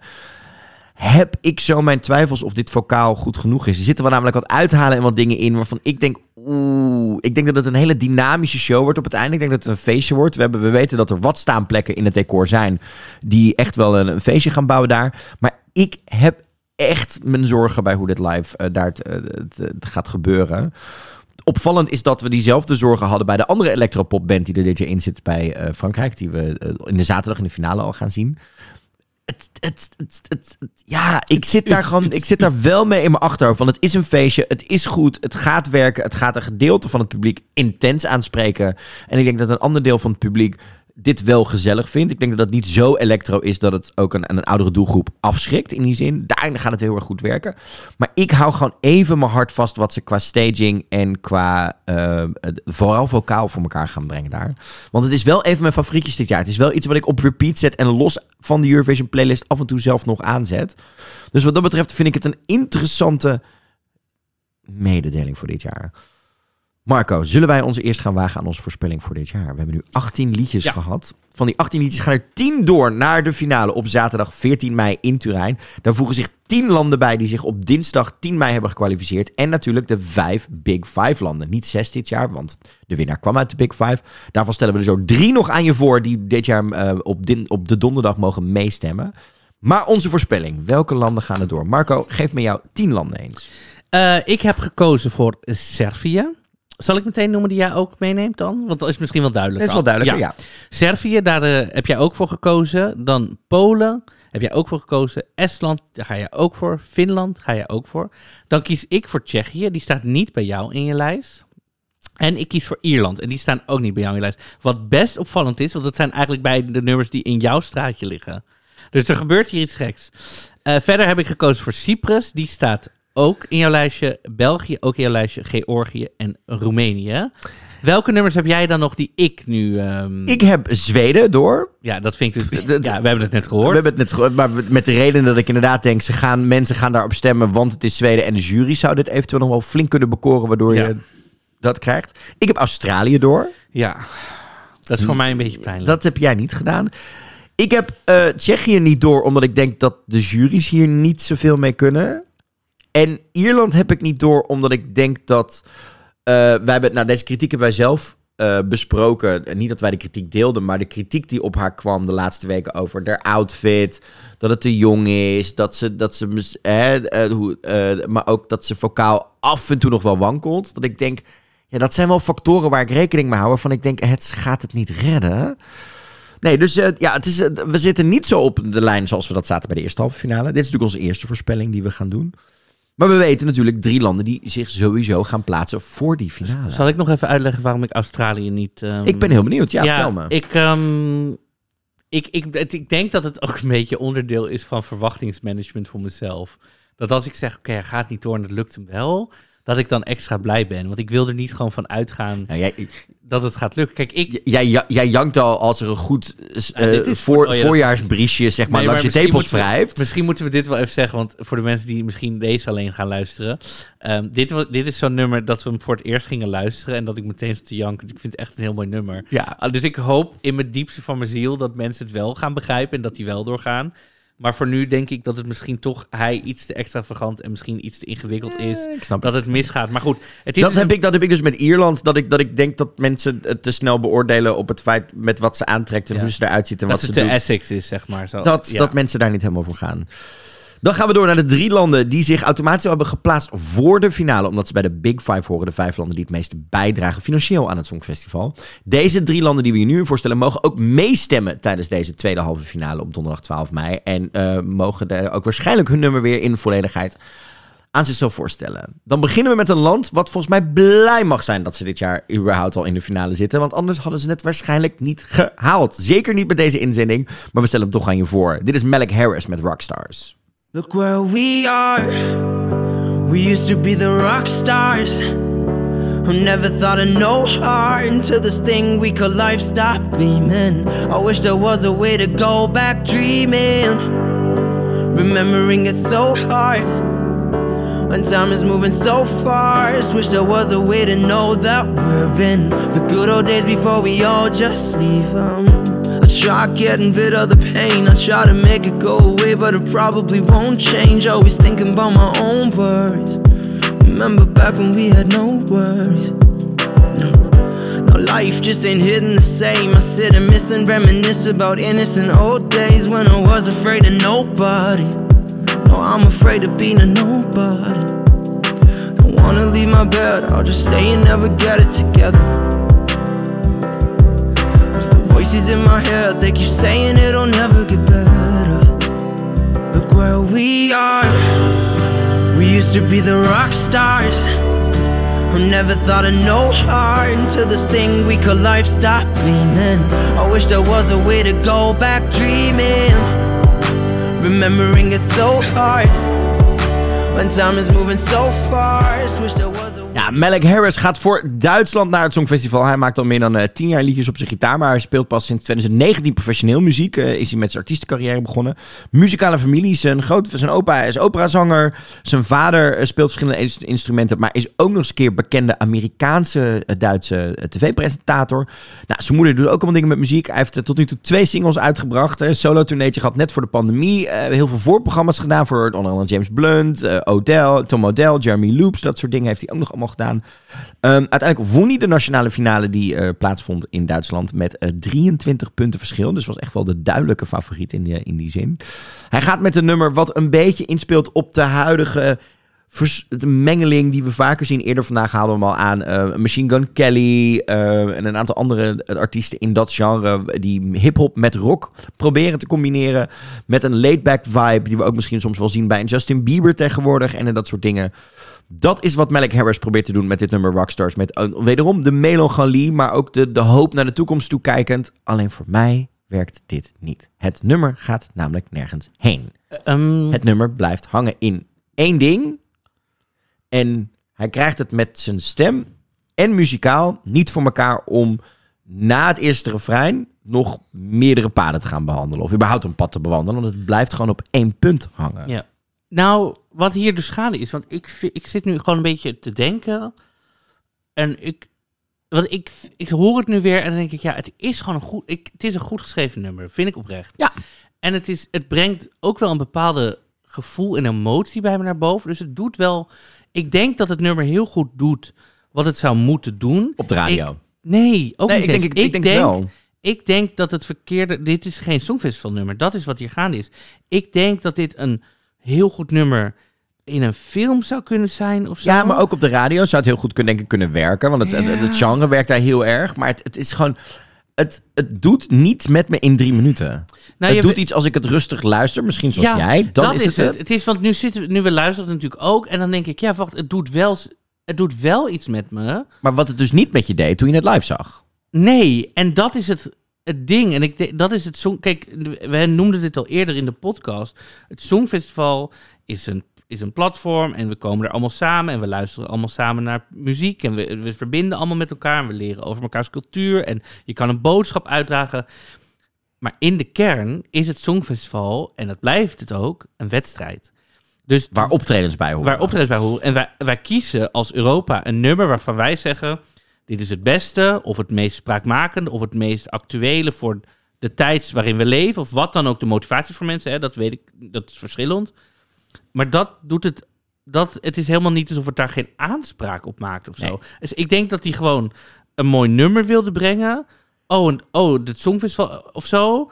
Nou goed, ik kan natuurlijk niet helemaal specifiek zeggen hoe dat is gebeurd. Maar goed, dus ik vind het nu, nu hoort ook, ik denk ja, het is wel een mooi nummer, maar niet voor het Songfestival. Gewoon, ander platform. Ja. Top, niet Songfestival. Dat is het gewoon. Nee, en ik heb zo'n vermoeden dat in tegenstelling tot het land waar we het straks over gaan hebben, Duitsland hier misschien wel mee een herhaling van zetten van vorig jaar gaat doen met nul punten Ja. van de telefoon. Ja, dat denk ik ook. Dat zou zomaar kunnen, want ja, Dat gaat hem Ja. niet worden. wat hem wel gaat worden, Nou, wat hem wel gaat worden, qua, in ieder geval qua, qua telefoon en qua buzz is dit een van de... Oh. Je hebt altijd een aantal nummers in het Songfestival die eigenlijk vanaf half maart ehm, de, bubbel, de, de vaste bubbel van Songfestival fans ontsnapt. Die, die, die waarvan Ja. mensen die later wel een beetje interesse hebben in het Songfestival, die vanaf eind april, begin mei aanhaken, dan al weten, dit zit erin, hier gaat het over, dit is belangrijk. Ik vind het gewoon nu al leuk om hem aan te kondigen. Ik vind het gewoon al helemaal leuk om hem jullie te laten horen. Maar we praten natuurlijk over Spanje, over Chanel en over haar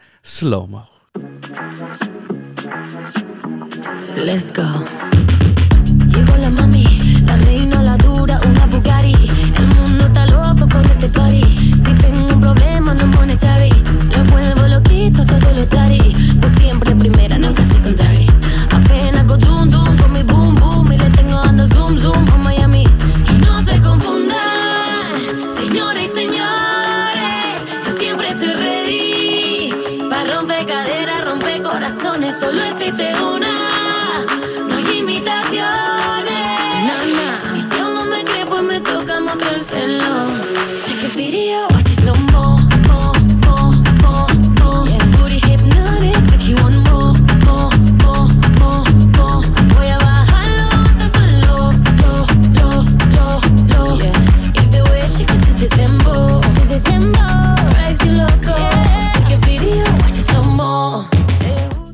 Ja, Chanel Terrero, mijn collega uit Spanje. Ze is namelijk zangeres, danseres, actrice. Eh, Ze is geboren in Havana, Cuba.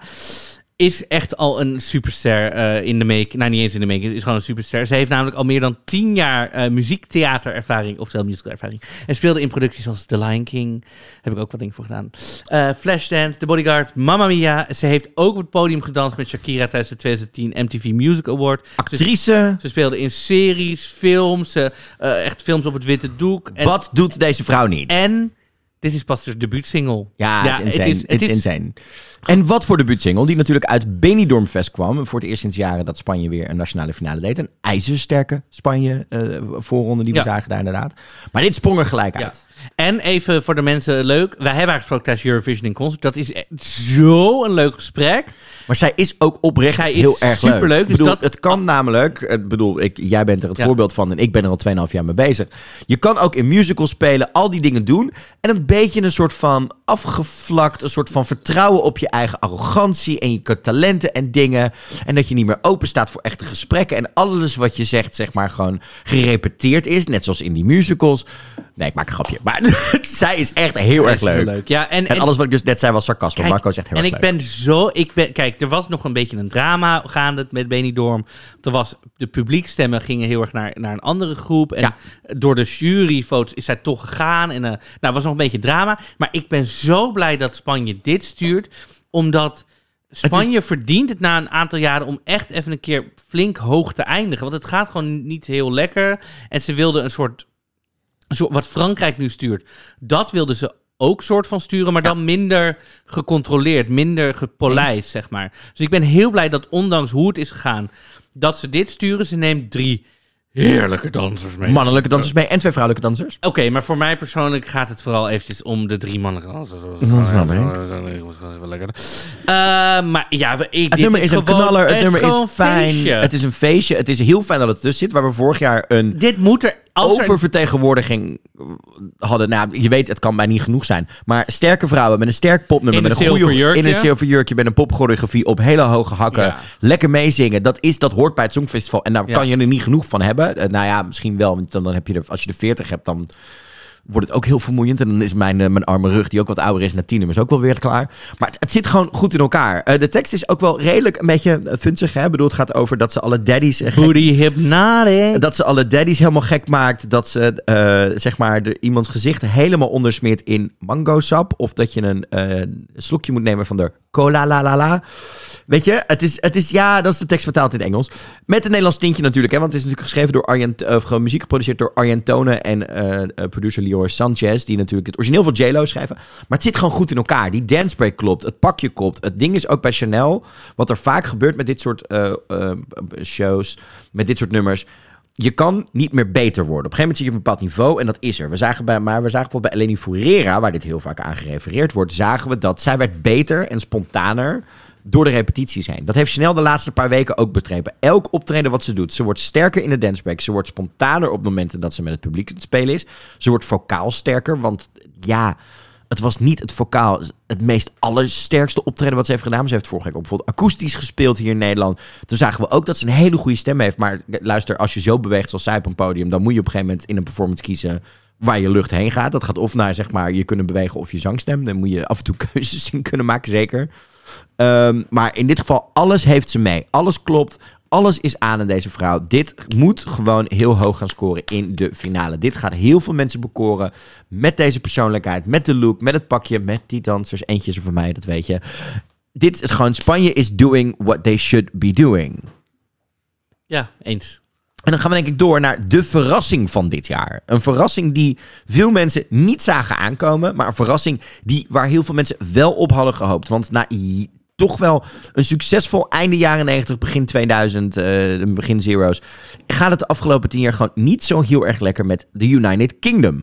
Dit jaar gaan ze daar hopelijk, ook namens ons, heel veel verandering in brengen. Met de man die je kent van TikTok. De man met zoveel octaven in zijn stem dat zijn buren er gek van worden, vertelde hij ons vorige week.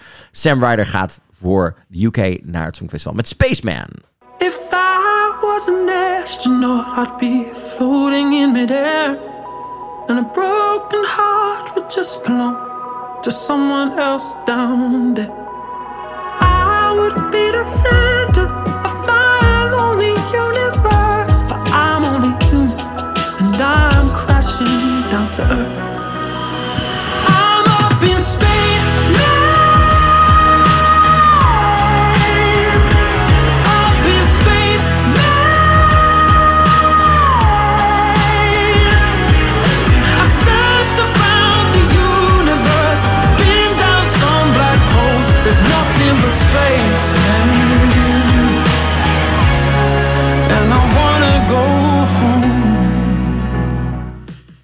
Spaceman is de inzending van het Songfestival dit jaar van Sam Ryder. Sam Ryder is een man met 12 miljoen volgers op TikTok, inderdaad, waar hij bekend werd in de lockdown vanwege zijn eh, covers die hij deed. Eh, beginnend in zijn moeders keuken, daar eh, heeft hij het vorige jaar ook nog over gehad.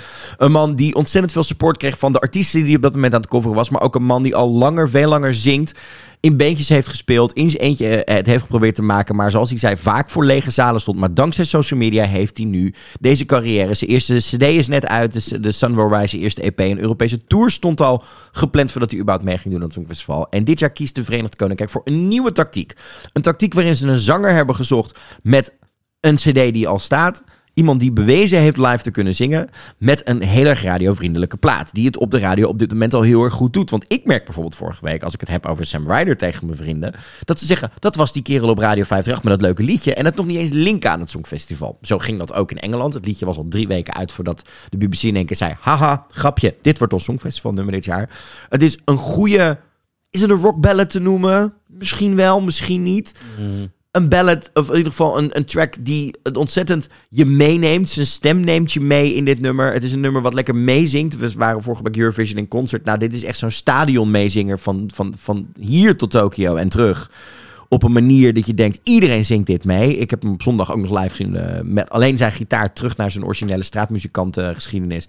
Waarin mensen het ook weer gelijk meezongen en bleven staan. Het is een charmante kerel met een charmant liedje. Een ijzersterke stem waarvan we gelukkig bij deze man in tegenstelling het vorig jaar wel weten dat hij het live gaat halen. Het enige waar het van afhangt is, wat gaan ze qua staging doen? Maar we hebben van de week gehoord dat Sam zelf heel erg heeft mogen meebepalen over die visie daarover. En dat ze het niet extern hebben uitbesteed. Maar dit zou misschien wel die gevaarlijke outsider kunnen zijn. En misschien nog wel meer dan een aantal andere nummers die we in deze halve finale eh, hebben voorbij zien komen. Finale. Nee, maar ik bedoel, we hebben het over de halve finale, hè, waar dit Oh, aan voorgesteld zo. wordt. Maar goed, toen kwam Ja. de Tamara Todevska al voorbij. Zij deed natuurlijk mee met het liedje Proud. Wat niemand had het überhaupt niemand over had het, gehad. had het erover gehad. En ze deed een eerste repetitie en toen ging het. Mhm. En toen, toen uiteindelijk scoorde het heel erg goed. Dat zou Sam Ryder ook nog wel eens Ja. kunnen gaan doen. Dit is, eh, we weten, dat heb je in de eerste gehoord. Oekraïne stuurt een sterk nummer met alles wat er speelt. Zijn ze de gedoodverfde favoriet? Maar dit zou heel misschien nog wel eens die hele gevaarlijke buitenstaander kunnen zijn. Die niemand aan ziet komen en er met de winst vandoor gaat. En dat zou briljant zijn voor de, voor de UK na een aantal desastreuze jaren. Maar vooral voor Sam Ryder, want wij hebben hem gesproken. Je kan geen enthousiastere, positief ingestelde, getalenteerde, lievere kerel vinden in het Songfestival dit jaar. En eh, ja, ik ben helemaal om. Ik weet niet hoe jij ermee zit. Nee, ik eigenlijk onderschrijf gewoon alles wat je zegt. Ja, ik kan er echt niks anders van vinden. Hij is zo leuk en enthousiast. En, en je ziet gewoon aan hem dat hij gewoon geniet van elk interview. Er is, het is niet nep, hij geniet van elk interview. Iedereen die hij ontmoet vindt hij leuk. Hij vindt, hij vindt de fans om, omarmt gewoon helemaal. En ik, wat je van hem nu ziet, is dat hij wordt gewoon zo'n zo'n songfestival lievertje. Hij komt volgend jaar weer terug en het jaar daarna en het jaar daarna. En dan popt hij daar weer een keer op.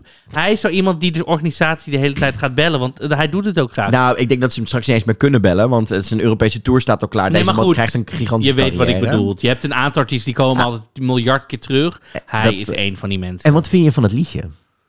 Ja, dit, ik, nou ja, het is gewoon een goed nummer. Ik wil het hem eigenlijk een keer helemaal akoestisch horen doen. Of balladachtig. Of, ik wil hem gewoon eigenlijk dit in allerlei soorten versies horen doen. Het is gewoon heel goed. Ja, en de rest van zijn muziek is ook heel erg goed. Maar ik vind het gewoon heel fijn dat horen meezingen. Het, daarom, het is een ijzersterk goed nummer. Ja. Wat goed gaat werken, waar het publiek heel blij van gaat worden. En laten we hopen dat dit de ommekeer is waarin we niet meer denken aan welk land het stuurt. Maar kijken naar Sam Ryder, kijken naar Spaceman en zeggen: dit is goed, dit moeten doen. Dus dat is ook mijn oproep dit jaar. Zie je te kijken en zit er iemand in je huishouden te twijfelen over het Verenigd Koninkrijk? Zegt ja, maar het zijn die Britten, Brexit, bla bla bla. Zeg dan nee, stem op Sam Ryder, stem niet op de UK is mijn eh, niet bindend, maar toch wel dringend stemadvies. Hiermee heb je 21 liedjes gehoord. 18 liedjes die je gaat horen op donderdag 12 mei vanaf 9 uur s avonds op NPO 1 tijdens het Songfestival. Je kan ook op YouTube kijken trouwens als je zelf je commentaar zou willen doen. Of natuurlijk bij de BBC als je zin hebt in Graham Norton. En dan op zaterdag 14 mei is het tijd voor de grote finale van het Eurovisie Songfestival. Met 25 landen die, die gaan strijden om de opvolging van Måneskin. Wie gaat het worden? Wie gaat het doen? Dat weten we nog niet. Dat gaan we de komende weken hier volgen bij Dingedong, de Nederlandse podcast over het Eurovisie Songfestival. Bedankt voor het luisteren. Laat ons ook even weten op Facebook, Twitter of Instagram op @dingedongcast wat jouw 10 favorieten zijn. We gaan er binnenkort wat stories over plaatsen. Of stuur ons een mailtje als we iets gezegd hebben waarvan je denkt, ho ho, hier ben ik het niet mee eens. Dat kan naar info@songfestivalpodcast.nl. Blijf dus luisteren naar de reguliere podcast die elke week op woensdag gaat verschijnen. En er zullen veel meer specials en mooie dingen aankomen hier bij de Nederlandse podcast over het Songfestival met Marco Dreyer. En met G. Kooijman. En veel plezier met het Songfestival. Ja, en we zien jullie hopelijk in de volgende podcast, want wij gaan gewoon door in ieder geval.